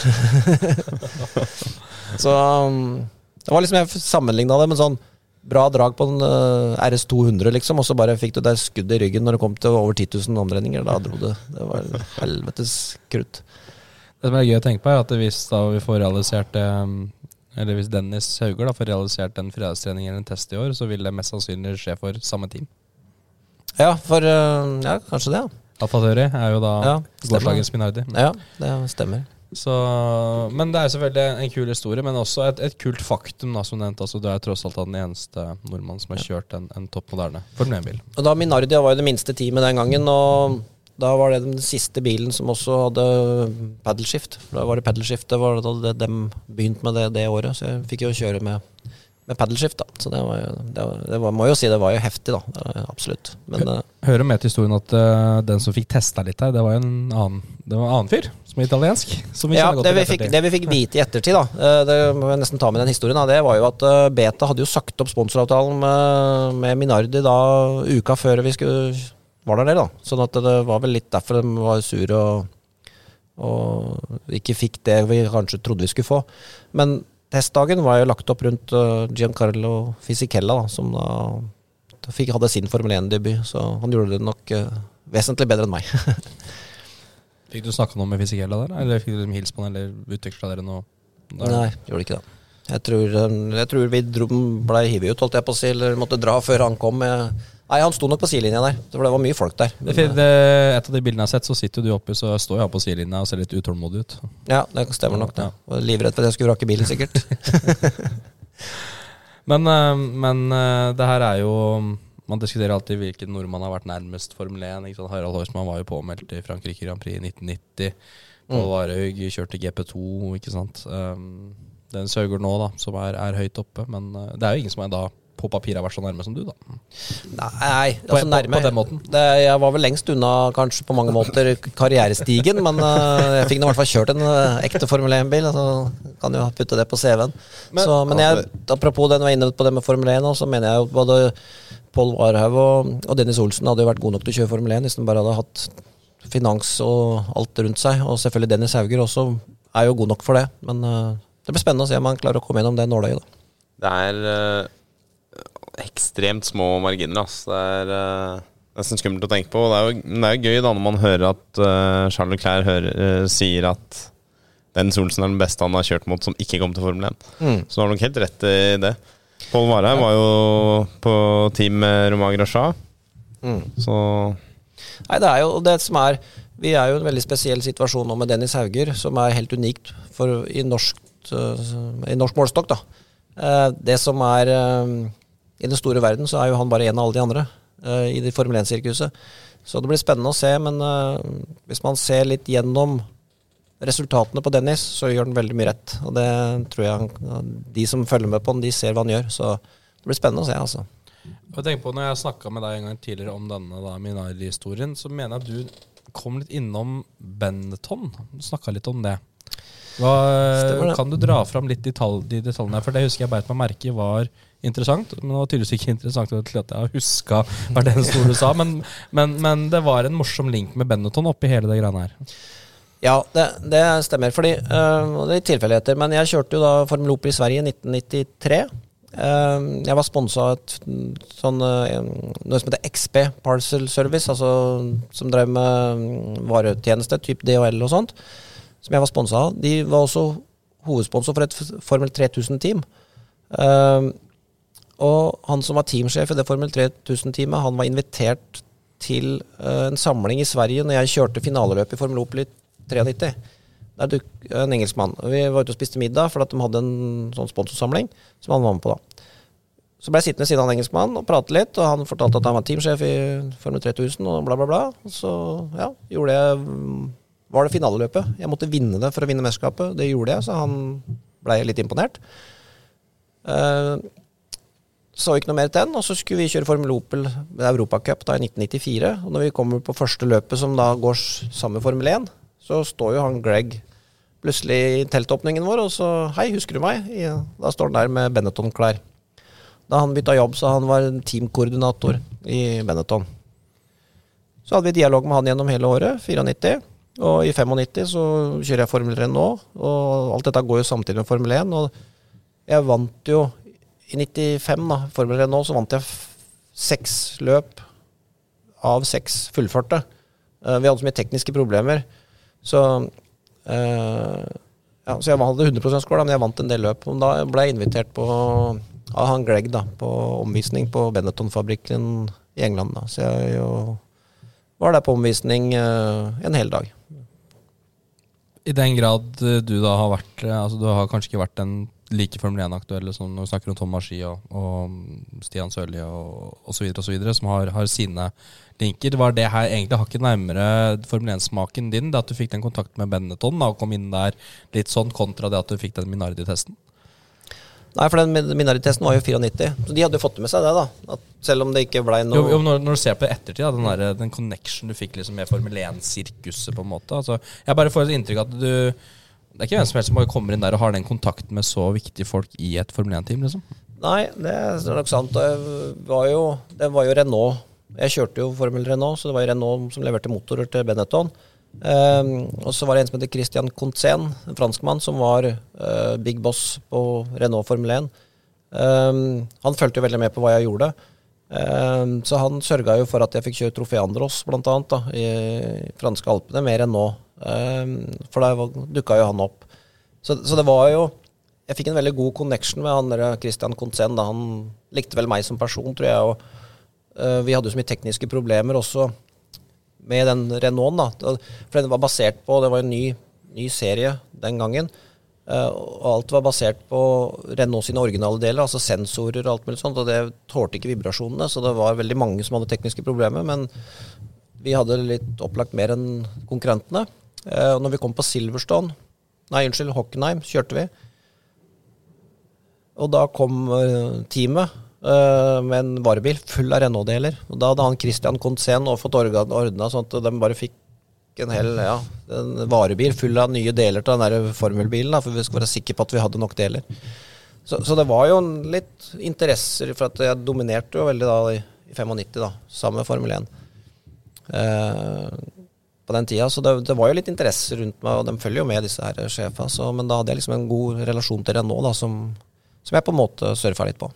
Men du, du, du gjør det altså sterkt i en supportklasse til Formel 1, markerer deg. Mm. Hvorfor kom du ikke nærmere Formel 1 da? Fordi at det må finansieres. Og så kjørte vi var jeg en shootout med Renault sitt offisielle Formel 3-team, engelsk. Altså mm, Hva var det det teamet het igjen, da? Promatec, var det det tror du? Jeg aner ikke. Veit du, Alex? Promatec. Eh, det var Harald Heusmann, kjente han, en franskmann som drev det teamet. Så Harald Heusmann var jo med meg på, på tre sånne tester med Formel 3 eh, mot en franskmann som het eh, Ja, jeg husker ikke navnet. Uh, Minasia. Han har kjørt mye Le Mans og sånn langløp etterpå.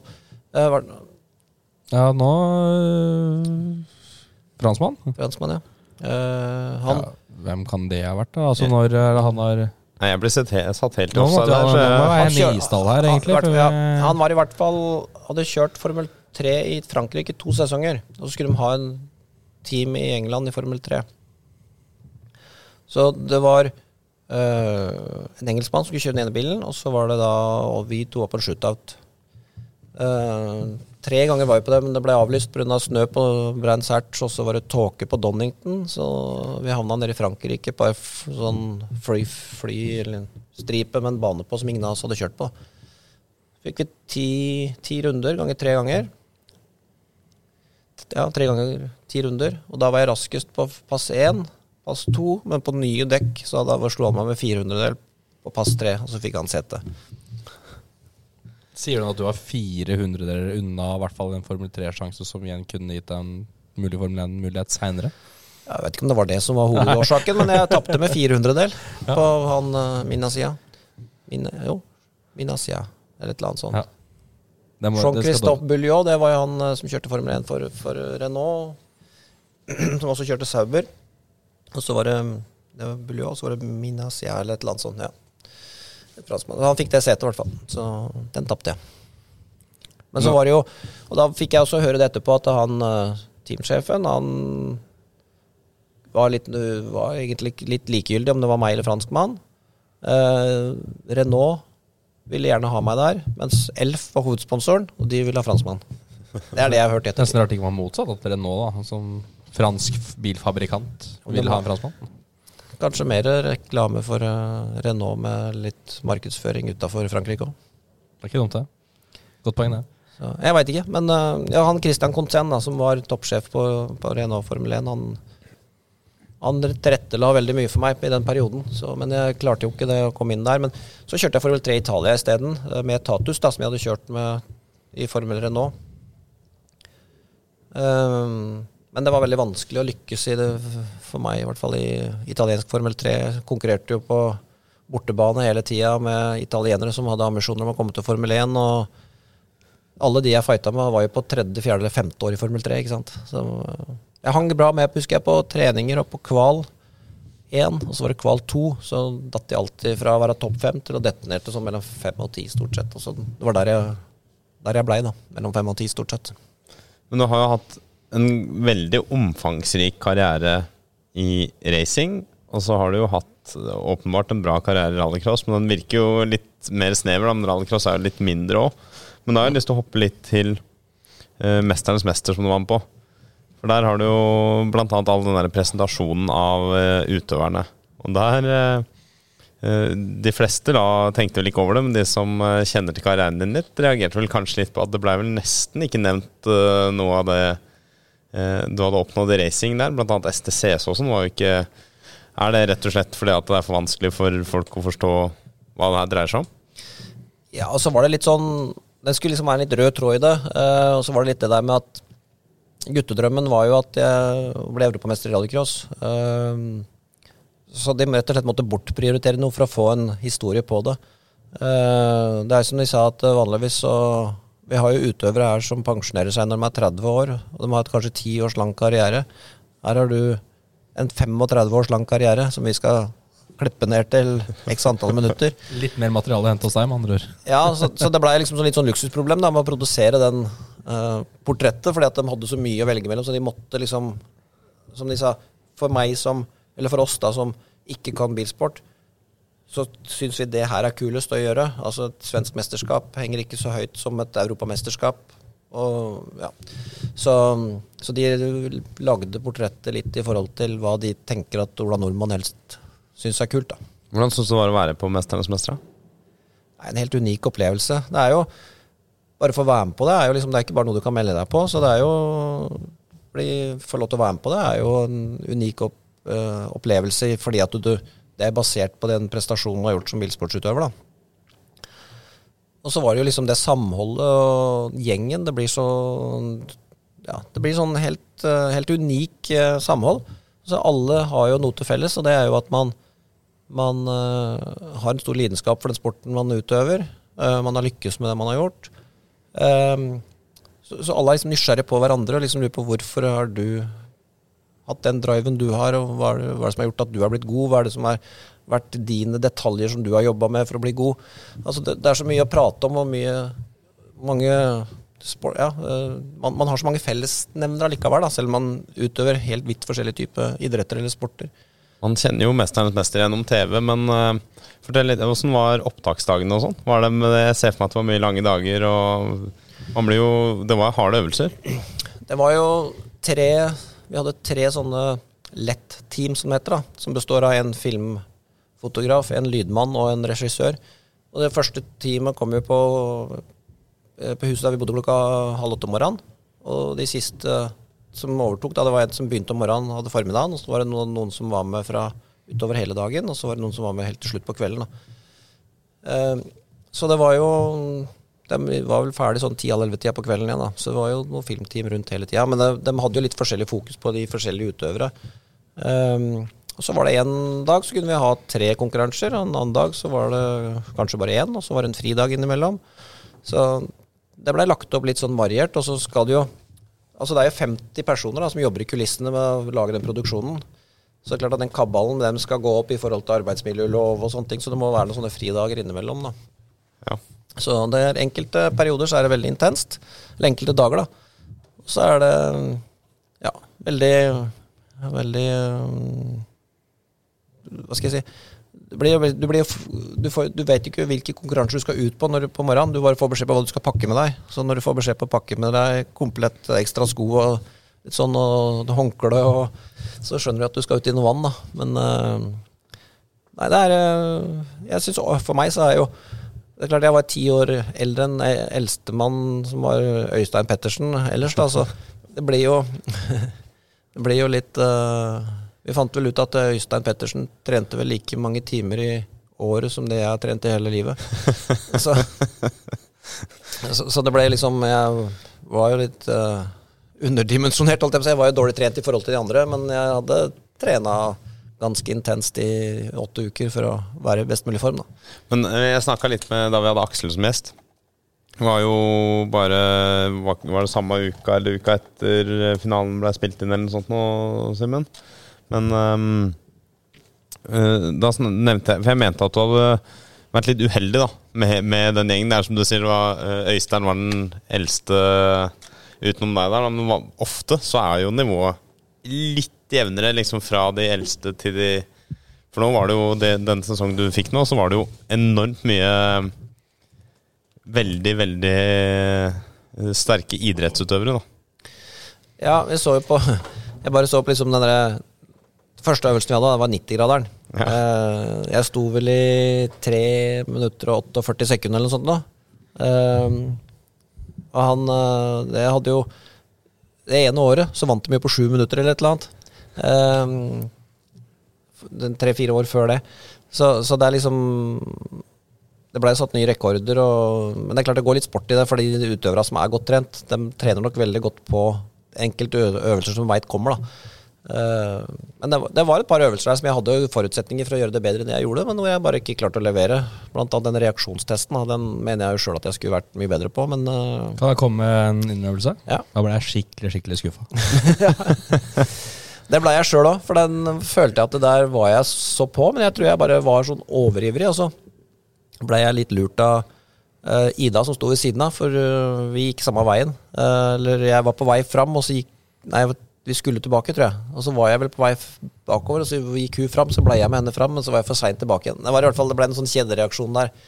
Men uh, Jeg bygde opp i heimen sa til samleren Nå skal vi se på Tommy. Dette Ja. kan han. Han har tatt så mye gode starter i rallycross at dette fikser han så lett. Og så bare faller han helt igjen. jeg var nok litt sånn, jeg tror jeg ville for mye, rett og slett. Så jeg, det, ja. Og det har jeg erfart sjøl òg når jeg har vært tilbake til rallycross-starter. da. De gangene du vil for mye på start, så er du for treg i reaksjon. For at du har altfor mye adrenalin. Du må faktisk eh, balansere det. Andreas Bakkerud sa det at apropos det, vi må jo tilbake til mestrene, men bare for å ta det. Bakkerud sa det at de han frykta mest i starten, var sånne som deg og Løb og de litt eldre kara. For, og så sier jeg at ja, men de er eldre, de skal jo ha svekka reaksjon. Nei, men de har så mye bedre sånn koordinasjon i reaksjonen sin. Så selv om Andreas sier at han reagerer fortere, så er dere fortsatt kjappere av plata. For at dere treffer bedre på reaksjonen. Da. Ja. Eh, mente, mente Bakkerud. Men Men ser det, han er helt riktig det han sier, for det la jeg merke til eh, når jeg kjørte rallycross nå på slutten.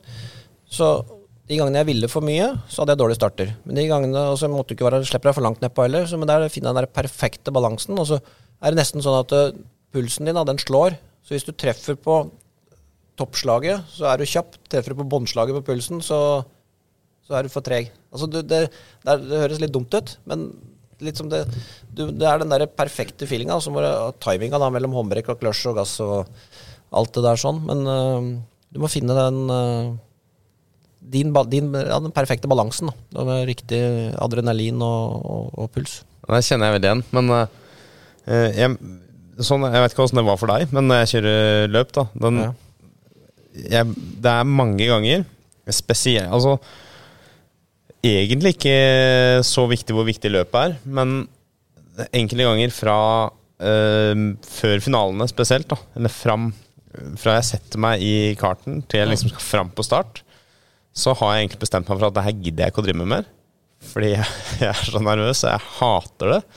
Og så er det glemt. Åssen er det for deg når eh, har du, nervene er der, liksom? Eller klarer du å Nei, det er akkurat sånn øh, Jeg har spurt meg sjøl mange ganger hvorfor gidder jeg plage meg så jævlig med dette. Og jeg har jo, er den typen nå som uh, har kasta opp mye før, før jeg skal kjøre, for jeg blir så uvel. Eh, bra tegn, men jævlig ubehagelig. Eh, så jeg har kasta opp eh, mange ganger. Det, men jeg veit at de gangene jeg gjør det, så har jeg som regel vunnet òg, for da har jeg vært så på. da. Du går liksom inn i en sånn egen sånn transe, liksom. Og, det, og du har perioder der som det er helt jævlig, men idet du drar på deg hjelmen, så går i hvert fall for min del helt over i en helt annen modus. da. Det er fra den tida du bare går og venter på at klokka skal begynne å nærme seg, som du bare går og tråkker og venter på at du skal sette deg i bilen. Det er den som er verst. Jeg Idet jeg setter meg i bilen, så kommer jeg i hvert fall for min del har gått over i en helt annen modus, liksom.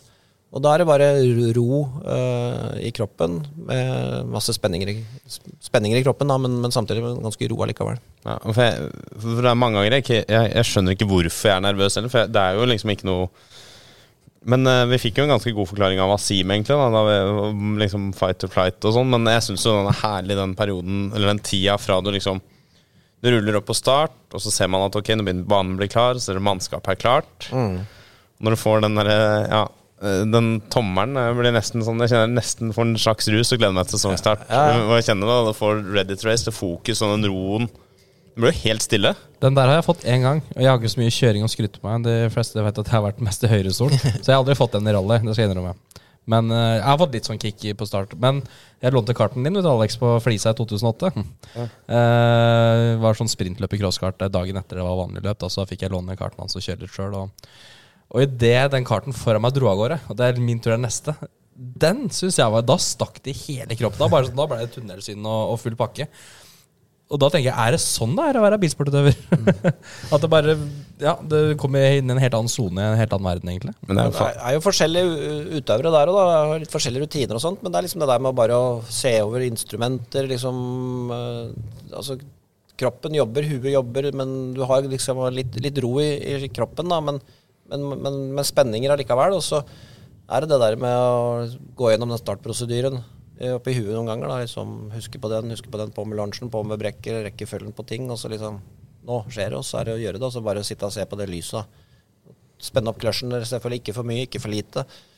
Det er liksom finne den der, Ikke for hardt på håndbrekket, ikke for lite så bilen ruller. Altså finne det perfekte settinga da, på start for å få bilen til å respondere perfekt. da. Det er liksom noen sånn antiklimaks i bilsport som man har. Og det, det verste er nesten når du står på start, så, det, er to, det er to ting. Det ene er hvis du merker at når du liksom Ok, du gjør klart, du skal opp til turtall og sånn, og så merker du at ok, det er et eller annet som ikke er i orden. Det er den ene. Da er det sånn Da går veldig lufta ut av ballongen.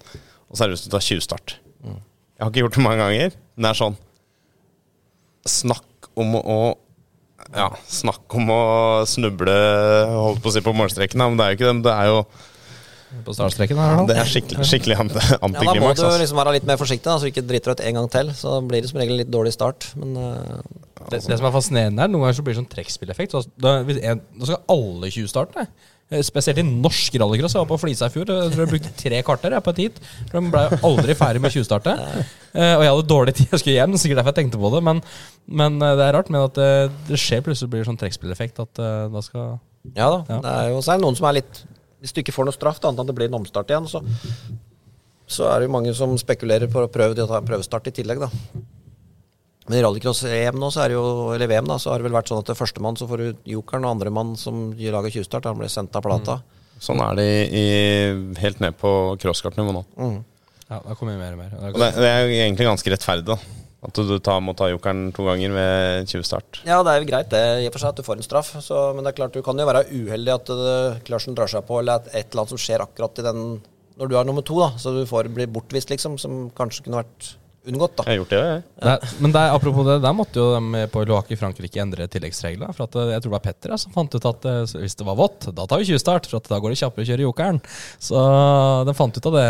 det jeg husker ikke hvilket år det var. Men eh, fordi det var, eh, det var rett og slett bedre feste i alternativen. Så det gikk fortere. Kjøre alternativen. ja, nei, det var, det var Eller noe, noe sånt. da, Nei, ja, han kjørte liksom. jokeren hver runde. Var det så- kanskje, kanskje sånn det var? Jeg, Han kjørte jokeren ja. flere enn én en, en gang, da. Ja. Fordi at det gikk fortere der. Det stemmer, men det var ikke for tjuvstarten ble du stoppa på. Men uh, Ja, ja, nei, ja nei, sorry. Ja, det var sånn, det er i hvert fall at det gikk fortere å kjøre på jokeren. Så Men, det ble eh, spesifisert til det løpet. jeg tror men først så var det sånn at du kjørte jokeren, kjørte kjører jokeren mm, så mange ganger du vil i utgangspunktet uten at du ble straffa, og så ble det vel sånn at du uh, uh, ble sagt at skrive, ja, regelen ble forma om, da, sånn at du skulle bare kjøre én gang. Men hvis du fikk tjuvstart, så måtte du ta en to. Så da kunne du selvfølgelig gjøre at tjuvstart, Ja, da. det var noe i hvert fall Jeg mener det var noe Ja, sånt. det var start. noe. Uh, apropos ja. Gjelder å være kreativ. Vi må bare litt tilbake til det. Vi spora jo litt, litt der nå. Vi var inne Ja, for at det, mester. Vi må tilbake til Lohakken, hakke det ut Ja, men hvor jo. skal vi fortsette å begynne? Nei, jeg må litt tilbake til 'Mesternes mester'. da. Okay, da tar vi Lohakken. Um, for, for jeg mente jo egentlig at du var litt uheldig med Jeg skal ikke si uheldig med castinga, for det er litt sånn vanskelig å si, men det har jo vært år hvor Hvor det har hatt flere som um, er litt eng, eh, Altså som la opp for litt mer enn et kvarter siden, da. For det var veldig mange unge og nylig lagt opp utøvere.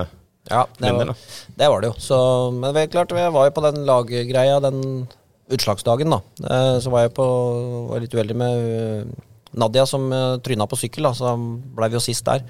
Uh, Så Jeg likte måten du ble mekaniker der, forresten. Og skulle fikse den sykkelen mens du hadde dette og slått ja, seg. ja, men uh, det var ikke noe vits i at to stykker sto og strøk på hender, holdt jeg på å si. For han, uh, Øystein tok seg av hender, og jeg fiksa sykkelen, og så dura vi av gårde. Så det var jo fin fordeling, det. Eh, det gikk jo heldigvis bra, da, men det var jo litt stygt, for tryna jo ordentlig ut i ei skikkelig grøft med sånn steinrøysgrøft, da. Så det var jo mye skarpe steiner og Vi måtte jo på legevakta sy, da, etterpå. Og tøff dame, forresten, som eh, ikke ga seg, da, selv om hun rota fælt med og hadde nesten ikke sykla før, du, så kåla så fælt med, med giringa. Så det kom jo ikke med på klippet, da, men når vi husker giret, så jeg sykla sånn halvveis baka da, på skrått, og så sa at nå må du trykke høyre tommel én gang.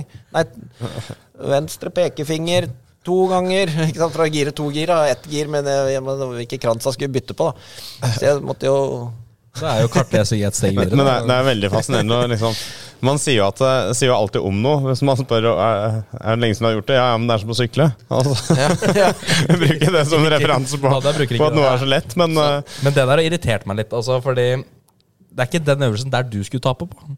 Altså, eller, eller sørge for at dette bidrar til at du ryker, fordi Uh, Ja, altså, du hadde jo ikke de beste oddsa for å komme langt. Såpass kan det være ærlig å si at du var jo ikke storfavoritt før i castinga, men jeg syns det var kjipt at det var der du skulle ryke. Klart du fikk en uke gratis fordi Bohinen trakk seg vel òg, så Ja. det blei vel en, altså, en runde mindre, da. Men, men likevel, jeg, jeg syns det var kjipt at det var det der du skulle ryke på. Altså at det var litt sånn uheldig lagkonkurranse. Sånn at det ikke var en sånn åpenbar fysisk greie da, som du ikke skulle ha forutsetninger for å Ja, på en måte så, men altså, den uh, balansegreia var jo ganske bra med, og så var det Ida datt vel ned på de stable balanseklossa, så der kunne vi kanskje ha gjort det litt bedre hvis alle hadde fungert.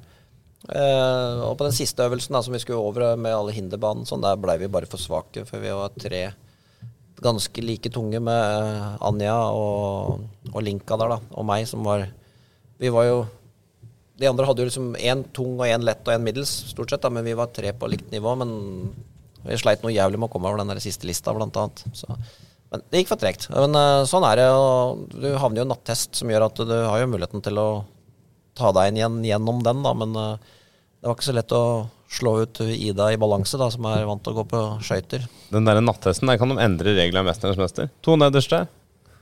Ja, ferdig. Istedenfor å ha den der Ja, nå skal det være spennende å se hvem disse joviale idrettsutøverne velger. Tar den, tar den andreplassen, som er hovedkonkurrenten. Øyner muligheten til å Og så er man jo så nobel at har det som er nest nederst uansett. Ja, men det er litt sånn Alle er bygd, bygd opp sånn at eh, det, det er mest fair å gjøre det sånn. Og Ja, så det er det, altså er eh, liksom, regelverket er jo sånn at du kan velge din, da. Og, og det blei jo diskutert litt på forhånd òg, som vi fikk beskjed på at uh, vi bestemmer sjøl, men eh, tenk gjerne gjennom det liksom før dere går dit.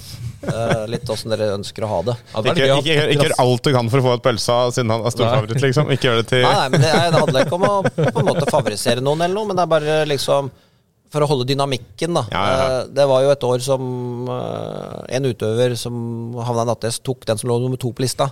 Det var kona, altså. Ja. Nei, nei ja, og det var Det er, mye, det er mye kulere, da. Ja. Sånn- Det er jo det, men ja. det blei litt konflikter, og det, det skapte litt dårlig stemning, da. Ja, men det er det som Alexander sier, kan ikke regelen bare være? men jeg husker Jo, det det er jo det, men samtidig som Det er jo ikke noe kult heller. Det må jo være valgfrihet. For det kan jo, som vi, de sa, at dere kan jo bli Kanskje tenke at du skal ta den dårligste av samme kjønn. Kanskje ikke den som er nær nederst, hvis det er et annet kjønn, liksom. For å få en mer fair eh, nattest, da. Så, men eh, det er jo, konseptet er jo lagt opp som at det skal Ja, det er jo konkurranse, og så er det, skal det være hyggelig, og det skal være et sånn gladprogram, da, ikke konflikter. Ja, det er- det er Med jo- mindre det blir det av naturlige årsaker, da. Ja, det er jo absolutt et familieprogram. da. Det er ikke Farmen, liksom. Men uh, det var jo et år han henne valgte kona si, faktisk, som, eh, som lå nest uh, nederst. Hvor mange uker fikk du på å forberede deg? Eh, åtte uker. Alle fikk likt, eller? Ja, tror det. Jeg tror nok Øystein visste at han skulle være med litt, Ja. uh, litt lenger. Han, Øystein hadde et år og åtte uker. Men han står jo han kaster jo ringer ennå, han. Ja, det gjør det. Stemmer det. Han er ikke ferdig ennå. ja, det blir ironi med det, da. At, eh, han skal han skulle få ringspill til jul. Det som var, det som var litt sånn koselig, Fordi at jeg, da du røyk, så tenkte jeg da får jeg i hvert fall glede meg til finalesendinga, for da kommer du tilbake igjen. Å, ja. eh, og det var ingen som tok kjøkkenet så mye som Tommy gjorde der. Altså der Du tok virkelig ansvar, du, og grepet om eh, kjøkkenkniven. Ja, det var jo Det var Nils Jakob og Linka og meg, tror jeg, som stort sett tok mest kjøkkentjenesten. I hvert fall så lenge jeg var der. Så Men det er litt sånn, du finner din, din posisjon, og så hadde du hadde du mm, romøren, da, som var bedagelig og bare tusla rundt og frøys, da, for han var jo, var jo ikke ordentlig frisk etter opera, eller kreften sin. Så han øh, hvilte jo mye og var liksom veldig relaxed, men både sosial og fryktelig morsom. da. Det kom jo noe gullkorn hele tida. Så nei, det var en morsom, fin gjeng å være sammen med. Så vi har liksom blitt enige om da, Vi har en på sånn WhatsApp-plattform, da, så vi deler litt øh, hva vi gjør i hverdagen og holder kontakten den veien. Og så skal vi prøve å samles en gang i året da, for å opprettholde dere har, altså, det er ikke bare noe man sier på TV-en sånn at det blir koselig på utsida osv. Altså, dere har, har en viss kontakt den dag i dag? Altså. Ja, nå er det jo var vi I august var vi hjemme hos Romøren og lagde pizza. Og så har vi bare blitt enige om at vi må samles igjen til sommeren en lang gang. Da. Men det er ingen som har tatt initiativet, så får vi se da om det er noen som gjør det. Men eh, det er jo ja, en fin gjeng. Jeg tar, jeg tar vel ikke feil hvis den enkelte personen fra Mesternes du har fått best kontakt med på, vel er Aksel Lund Sindal? Ja, på mange måter. Han og Nils Jakob er vel den jeg har mest kontakt med. Uh, Nils Jakob er en fantastisk mann. Han, eh, at Therese er glad i han, det skjønner jeg. Han uh, er så gjennomført god og snill. Så det er eh, Han hadde jeg ikke noen forventninger til. Jeg kjente ikke noe særlig til den. Men blei veldig glad i han på veldig kort tid eh, der inne. Det var jo øh, Jeg husker jeg nevnte vel det for deg, at øh, Ser du hvem Eller minner Nils Jakob deg om den samme som jeg ble minnet på. Det var vel eh, det var sånn, jeg fikk ideen om at jeg mente at Anders Jæger eh, Ja. eh, ligner litt på han, altså sånn brålik, da. Okay. Kartleseren til Andreas Mikkelsen. Og det var da jeg tenkte at fader, Anders Jæger hadde vært en perfekt utøver for Mesternes mester. Eh, veldig kort vei til toppen. Nei, veldig rask vei til toppen. Eh, ekstremt gode resultater. Eh, ga opp tidlig og var i god form. Men, eh, ja, han kommer langt. Det tror jeg. Ja. men, eh, ja, men igjen, da. Man skal ha litt flaks på Eller timing med, med Mesternes mester. Og det er derfor det er så kult program òg, fordi Altså, hvis du Brødrene Ingebrigtsen er med, liksom. En av dem, og så har du bare løpeøvelser. Det funker jo ikke. Det er jo det som gjør det så kult, at det er så forskjellig. Da. Det er veldig variert, og så veit du ikke hva du går til før du står rett foran øvelsen, faktisk. Du veit jo det er noen klassikere som går igjen, da, for det skal de ha òg, fordi at det er liksom Folk skal kunne sammenligne med, og det er jo folk som lager sammenkomster og sommerfester i firmaer og sånt, da, så skal de liksom ha noen sånne konkurranser. Så, så det liksom, ligger jo litt i det der at det skal være noe gjenkjennelseseffekt som folk kan gjøre hjemme. Og så skal det være noe vanskelig utfordrende, og så litt sånne teknisk-praktiske oppgaver. Så nei, hele konseptet syns jeg er veldig fint. Mange ganger eh, sto du i 90-graderen før du dro? Nei, ikke så Ja, jeg prøvde en del ganger, men øh, det var vanskelig. Og jeg klarte Hjemme så klarte jeg ikke over tre minutter, men jeg klarte jo 3,48, tror jeg det var. Eller. Ja, den er seig, den der. Den Altså. er lei. Ja, den er. Så det er første gang jeg prøvde, så klarte jeg ikke et minutt engang.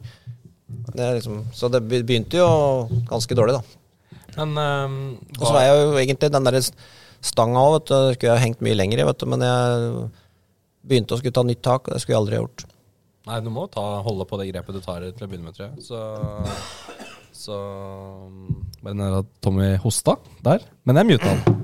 for det, hvis det var noe bak der. For det var trøkk igjen der, altså. Vi småste litt alle sammen, men uh, det tok, tok det rekord, tror jeg. Det var bare få det ut. Men, men uh, var det mange av de andre utøverne der som var oppriktig interessert i liksom, din karriere, altså bilkjøring, bilsport? Hva, hvor, altså, hvor mye bilsportsnakk ble det bak kulissene? da? Nei, det er Romøren og Nils Jakob. Nils Jakob er jo skikkelig Formel 1-hekta. Han øh, sier jo da han, Får de ikke sett treninga, så tar han det opp og skal må se det om igjen på Formel 1, liksom. Så han ser eh, free practice, Trening, free practice, free practice 1, 2 og 3. Han følger veldig med. Så han var jo veldig nysgjerrig på det jeg hadde drevet med, da. Um, men likevel, vi snakka liksom om detaljer. Han fortalte litt detaljer om båten, blant annet. Da. Båtene og gliflater og, og teknikk på årer og Det er ganske interessant å høre hva, folk begynner å fortelle om detaljer de fokuserer på i sporten sin, da, som du ikke tenker over i hverdagen. Og så var det jo en, Dette var jo da opptak i 2021. Så det var jo da Det var jo før vi, Aksel blei aktiv bilsportutøver. Men snakka dere noe da liksom om hans Han er jo veldig bilinteressert, men snakka dere om bilkjøring med han i forhold til om han skulle kjøre noe framover da på den tida? Ja, han nevnte det, og at, skulle, at det var snakk om at han skulle kjøre noe. Så, men det, var, tok, det tar jo ofte litt tid fra ting er en plan, til at ting er klart, til at ting blir offisielt rundt han. da. Så jeg har jo visst noe. øh, så ja, altså, han er veldig nysgjerrig på, på bilsport, og vi prata jo litt selvfølgelig detaljer om det. og Der også er det mye sånne fellesnevnere med det der med den riktige modusen da, i forhold til det med å utføre og super-G, da, som han har drevet mest med. Og bilsport, liksom, med det å treffe på linjer og liksom Altså, hvor mye som må gå på automatikk for at du bare har det så innebygd i kroppen, og reflekser, da, liksom det der med øh, For dem, da, med skli på skjæret, liksom, og det at du Som jeg ofte sier, da, at eh, du må en, være på en balansefølelse som, hvor du kjenner at nå slipper det, ikke nå slapp det. Da er du for seint ute. Og at, liksom, at du, hodet ditt må ligge I visse sammenhenger, sammenheng så må du være akkurat der du er i hodet, mens andre settinger så må du, hodet ditt ligge to tiendedeler foran, eller kanskje et sekund foran. Og det er liksom mye av det samme som han sier, liksom at du, du er liksom inne i en sånn boble noen ganger, at alt går helt på automatikk. At uh, huet ditt bare er rett foran deg hele tida, og situasjonene bare løser du på, på automatikk. da.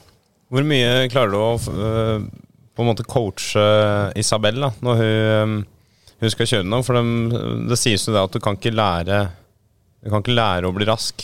Det må du være, og så kan du lære å jobbe med detaljer og, for å liksom fin, fintune det. da.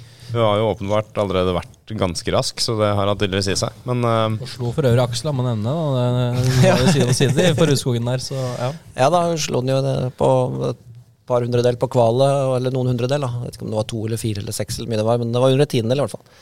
Um, nei, altså, men hun Det er litt sånn at du må, du må lære deg sjøl å, å finne ut av hvordan du skal bli god til å kjøre bil på mange måter, men samtidig som det kan være viktig og nyttig med veiledning underveis. da.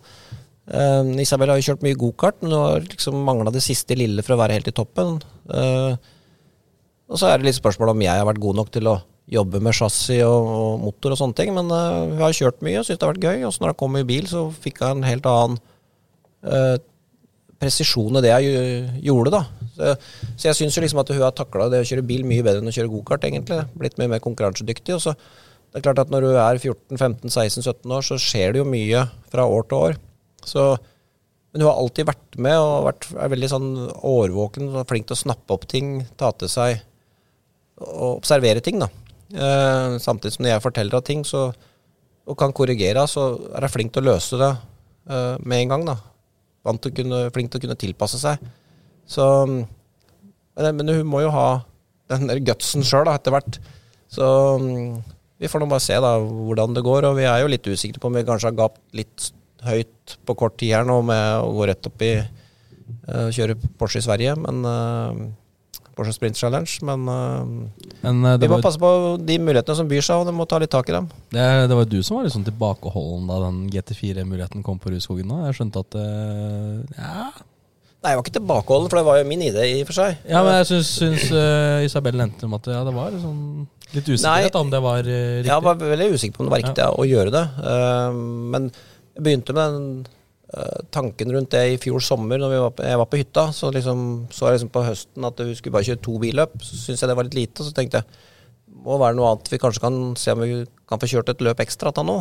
Uh, og så uh, tenkte jeg liksom Porsche Spin Challenge skal jo på Rudskogen. Uh, og Aksel kommer jo inn i gamet uten noe særlig bilerfaring og hevder seg, så det er kanskje ikke all verdens høyt nivå der, annet enn at hun kan klare å komme seg inn der hvis vi får tak i en bil. da.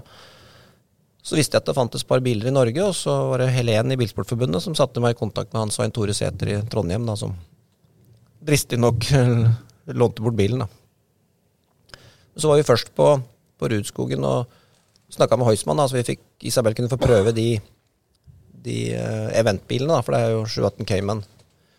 Uh, så, så sier de at ja, de kan, kan ha få lov til å komme og prøve. Og så tilfeldigvis samme dagen så var uh, en som heter Erik Lynne fra kirken her. Han har en sånn 718 Cayman. Han skulle ha noe arrangement der. Så vi kunne få komme og kjøre samtidig med han, da. Så sier han at ja, men Isabel, kan du prøve bilen min nå? For å se om jeg takler den nå, liksom. Og så hoppa jeg jo inn i den bilen og kjørte litt fortere enn det Marius Aasen hadde gjort, som hadde kjørt den bilen noen runder tidligere. Jeg vil bare nevne en forskjell på de Caymanene fra de som Rudskogen har. Er, dette er en regnspegel GT4, den til Lynne, mens de til Rudskogen er jo da stand, helt standardbiler. Ja. Ja. ja da, så det er jo stor forskjell. Det skiller vel fort en ti sekunder på rundetida eller noe, tror jeg. Drøyt, det òg. Ja, men, det- men i hvert fall, så, men hun takla den bilen veldig, veldig fint. Og så snakka vi med Hans Svein Tore da, ble enige om å låne den bilen. Og så fikk vi stabla på plass et budsjett, og så sa jeg til Isabel at det viktigste her nå er at du kommer deg til mål, får tid i bilen, lærer deg å bli kjent med bilen. Glem resultater. Det spiller ingen rolle om du blir nummer fem eller ti eller tolv, for den saks skyld. Det var vel 15 biler i feltet. Men prøv å bare ha det gøy og ta til deg lærdom. Så takla jeg jo det overraskende bra. Da kvala som nummer to og hadde jo en, tok jo starten i begge i løpa.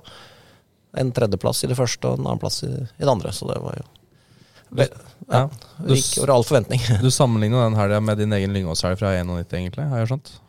Ja, det var jo et stort arrangement, Porsche-festivalen. da, med, Det var vel eh, 7000-8000 tilskuere på Rudskogen. Det er mye på Rudskogen. Selv om det ikke kan måle seg med de 15 000-25 000 som var på Lyngåsbanen i gamle dager. Men eh, eh, jeg sammenligna det litt fordi at det var et lite sånn stunt vi gjorde for oss uten noe mål og mening, egentlig. Bare for å se om man var moden for å ta skrittet videre. Og så presterer han over all forventning og får all fokus og oppmerksomhet og stjeler litt av showet, egentlig. Og får jo ja, masse oppmerksomhet. da, både Vi fikk jo tre innslag på NRK først uh, før løpet, under løpet og etter løpet, så det, det satt jo i sving masse reaksjoner i positiv forstand etterpå. Så det var, eh, ja, det var en Jeg tror hun fikk en sånn skikkelig boost, en sånn opplevelse som jeg føler jeg fikk på Lyngåsbanen i 91. Fordi Poenget med det er jo nettopp at eh, du får én sjanse til å vise deg fram. Gjør du det bra her, så kan det rett og slett definere karrieren din framover. Nå har vi ikke kommet igjen lenger dit med Isabel. Det fortsetter jo da med, med Sprint Challenge i Sverige. Eh, men sant, det definerte jo karrieren din, det som skjedde på Lyngås i 91. Og det kan jo Dere hadde vel ikke kjørt GT-bil på det nivået til Isabel i år? Hadde ikke hun levert det hun gjorde på Rudskog? Nei, definitivt ikke. Så det åpna jo litt muligheter. Og så Ja, det skal jo finansieres, da. Det er jo mye, mye som skal, mange brikker som skal på plass da, når en skal drive med dette her sånn. Og vi har jo nå eh, fått med oss eh, både Porsche Norge til en viss grad, Porsche Center Zone da, eh, og HTB Racing, som har vært en viktig støttespiller med oss, pluss en del både nye sponsorer og en del eksisterende sponsorer. Så vi har klart å stable på plass et budsjett som vi mener skal holde til å kjøre en sesong. da. Men da er spørsmålet oppi alt åssen er det å være en pappa? Ja, det er veldig gøy. Eh, krevende. Det går jo et halvt årsverk på å drive med dette om dagen, så jeg kjører tømmer på Ja, jeg står opp fem som regel om morgenen, kjører til sånn rundt 11-12. Så er det bilsport resten av dagen. Eller annet forefallende, men eh, det er i hvert fall går mye tid på det. Ja, Det skal bli veldig, veldig spennende å, å, å følge framover. Um, tida er rett og slett i ferd med å Er den ikke det? Vi skal tilbake til Lohac. Ja. Lohak, Frankrike. Lohac, ja. Det var der du avslutta karrieren din. Ja. Du har gitt meg delvis skylda for at det ble løp der. I hvert fall du nevnte noe for dette. Jeg, mm, ikke, jeg skal ikke ta på meg så mye, men jeg skrev en kronikk etter uh, Lånke. For da så jeg at du var sånn reserve til semifinalen der. Trippe litt rundt der, og så får du ikke kjøre noe mer. Og da tenkte jeg, er det her avslutninga på karrieren til Tom Rustad? Altså, det går ikke.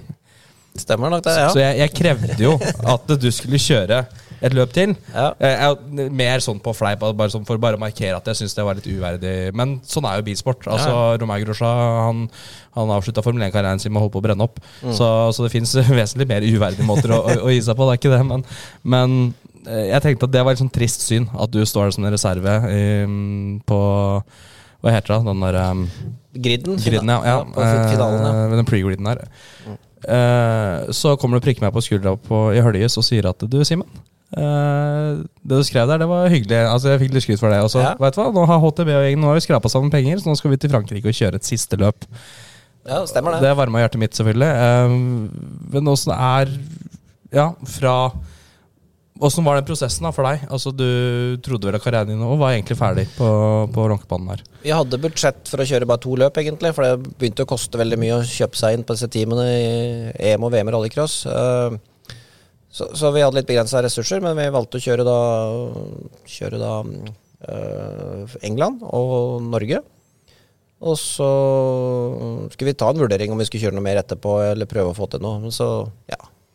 Skrev jo den fine artikkelen, da. som Jeg tror overskrifta var eh, 'Gi denne mannen et gullstol', eller et eller annet. eh, Ja, bare sånn en siste, en siste Ja. mulighet. Bare sånn, du kan, du Det var i hvert fall på- ja. Ja, du skrev i hvert fall en veldig fin, og så tente jeg jo litt på den, og syntes det var veldig fint. Og mange som andre som syntes den var fint skrevet òg, så jeg viste den jo litt til eh, flere. Og så la, tok vi et sånt spleiselag med HTB og litt andre sponsorer, og så eh, fikk vi på plass, og så fikk vi kjøre litt ekstra billig for Marklund. De syntes det var litt kult, dem òg. Vi hadde jo kjørt for dem men den Vi kjørte for dem i 2015 og vant jo EM, da. Eh, Og så kjørte vi ikke Ja, så kjørte vi, hadde vi kjørt to løp, da. Så hadde jo i og for seg, du betaler jo en pris, og så Noen ganger så går det litt hardt utover bilen og litt sånn, men jeg har vært ganske snill med de bilene jeg har kjørt. Så, så de syns jo det hadde vært litt ekstra gøy, så de slo av litt på prisen og syntes det kunne være gøy at jeg avslutta med å kjøre i Lojac, for det var dagen før jeg fylte 50 år. Så fikk vi på plass et budsjett der til å kjøre der, og så blei det det siste løpet, da. Selv om jeg ikke kom til finale i den VM-runden heller, så blei det jo i hvert fall eh, en kul avslutning med en gjeng fra HTB som reiste nedover, og var vel en, de var vel en 20 25-30 stykker, og så fikk jeg avslutte dagen før jeg fylte 50. Du får spisse blyanten din til den dagen jeg skal legge opp, av Simen. For jeg vil også ha en sånn kronikk som gjør at jeg får en VM-runde. Kom bestikkelser fremover da. Nei, men- nei, men for, for da var det sånn Jeg hadde jo ikke noe Det var bare ektefølt. Altså, det var en sånn veldig rar måte at du skulle gi deg på den måten på. Men, men at du da får den siste muligheten til å kjøre i Frankrike der, eh, er jo et tøft felt. Altså 2018 det var jo kanskje det hardeste året som har vært i, i rallycross eh, noensinne.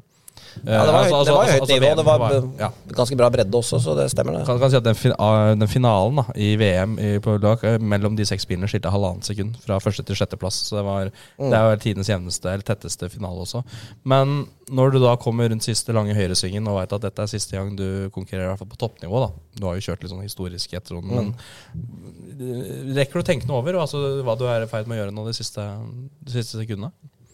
Jeg veit ikke om jeg tenkte så mye over det. Jeg vet jo Men jeg har jo liksom tenkt i mange år at det kanskje er på tide å gi seg. Um, men så det er liksom den der kjærligheten til sporten. Jeg, etter at jeg vant EM i 2015, så gikk vel lufta litt ut av meg. Jeg blei litt forsynt. Jeg syns det er gøy, men jeg var ikke sulten nok. Jeg begynte å gjøre litt førerfeil. Og jeg rulla jo bilen i Barcelona blant annet, da, for jeg ja, jeg, var, jeg vrei ut hjulet rundt en dekkstabel. understyrt Understyrte litt, så jeg vrei ut hjulet, så jeg huka så i, i innekant på dekkstammeren der, og så rulla blant annet. Så jeg så liksom at jeg begynte å gjøre mer og mer feil, da. Småfeil. Uh, selv om det var en, en liten feil som fikk store konsekvenser. Uh, sleit liksom å I situasjonsbeslutningene ble ikke like riktig som de hadde vært før. Altså, du må liksom være så på hele tida. Så, så jeg har liksom kjørt de siste åra, liksom fleipa og sagt at jeg kjører, men fortsetter å kjøre, men det er liksom de siste krampetrekninga, for jeg veit at hvis jeg gir meg nå, så er det over. Men når jeg først ga meg, så var det liksom helt greit. Det var litt vemodig var det siste helga, jeg må jo si det, men det var samtidig som det var litt greit òg, for når jeg liksom følte at på slutten at adrenalin ble mer en belastning enn en glede, og da sleit med å komme opp på det fokusnivået og få opp adrenalin og puls høyt nok til å kunne være presis nok til å prestere. da. Så bra som han Jeg mener at jeg jeg presterer så bra som gjør at jeg sjøl er fornøyd. da. Og det, det fungerte ikke noe særlig på slutten, og da er det bedre å gi seg. Fin målestokk det, da. Gi deg når adrenalinet blir en belastning. Ja, det er jo egentlig ganske, ganske bra sagt, det, for så vidt. Ja, ja, jeg syns det var veldig Fordi det er det, de fleste bilsportutøvere er det vi jager. Er, eh, så er jo adrenalinet. Men det er ikke noe å jage noe du egentlig ikke trives veldig godt med.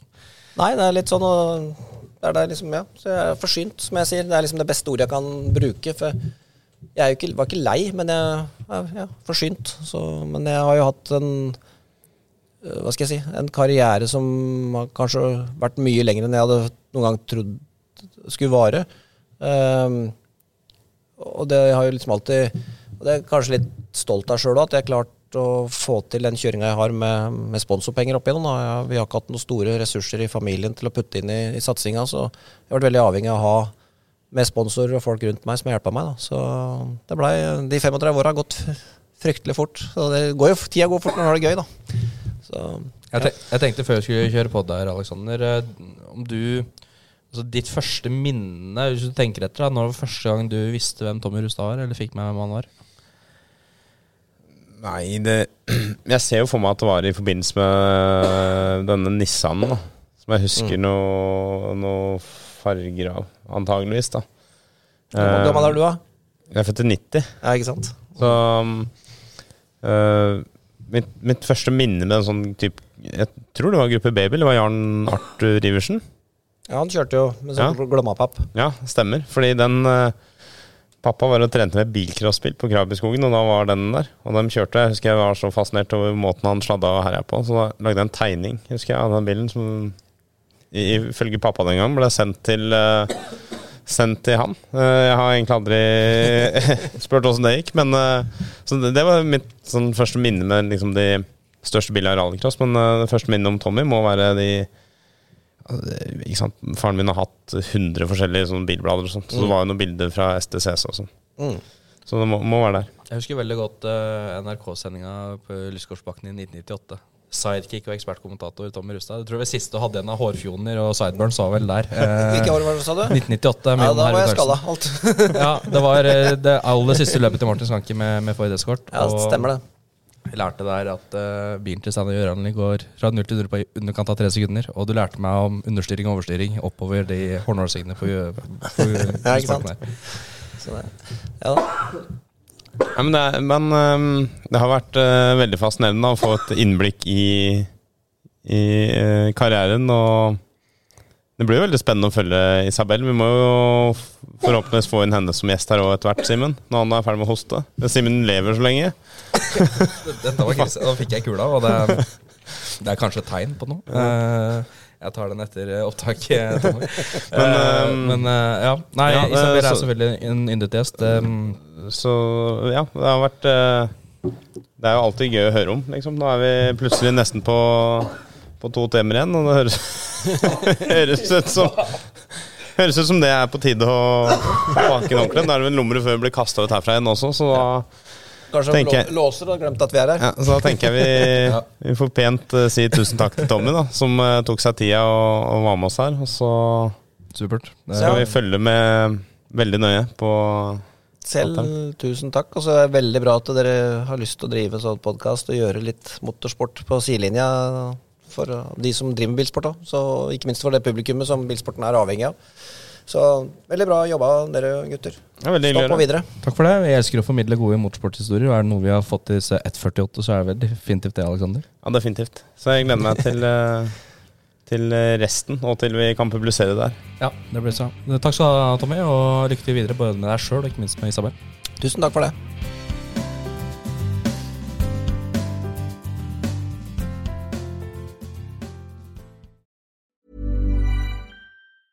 Planning for your next trip? Elevate your travel style with Quince. Quince has all the jet setting essentials you'll want for your next getaway, like European linen, premium luggage options, buttery soft Italian leather bags, and so much more. And it's all priced at 50 to 80% less than similar brands. Plus, Quince only works with factories that use safe and ethical manufacturing practices. Pack your bags with high-quality essentials you'll be wearing for vacations to come with Quince. Go to quince.com slash trip for free shipping and 365-day returns. Mom deserves the best, and there's no better place to shop for Mother's Day than Whole Foods Market. They're your destination for unbeatable savings, from premium gifts to show-stopping flowers and irresistible desserts. Start by saving 33% with Prime on all body care and candles. Then get a 15-stem bunch of tulips for just $9.99 each with Prime. Round out Mom's menu with festive rosé, irresistible berry chantilly cake, and more special treats. Come celebrate Mother's Day at Whole Foods Market.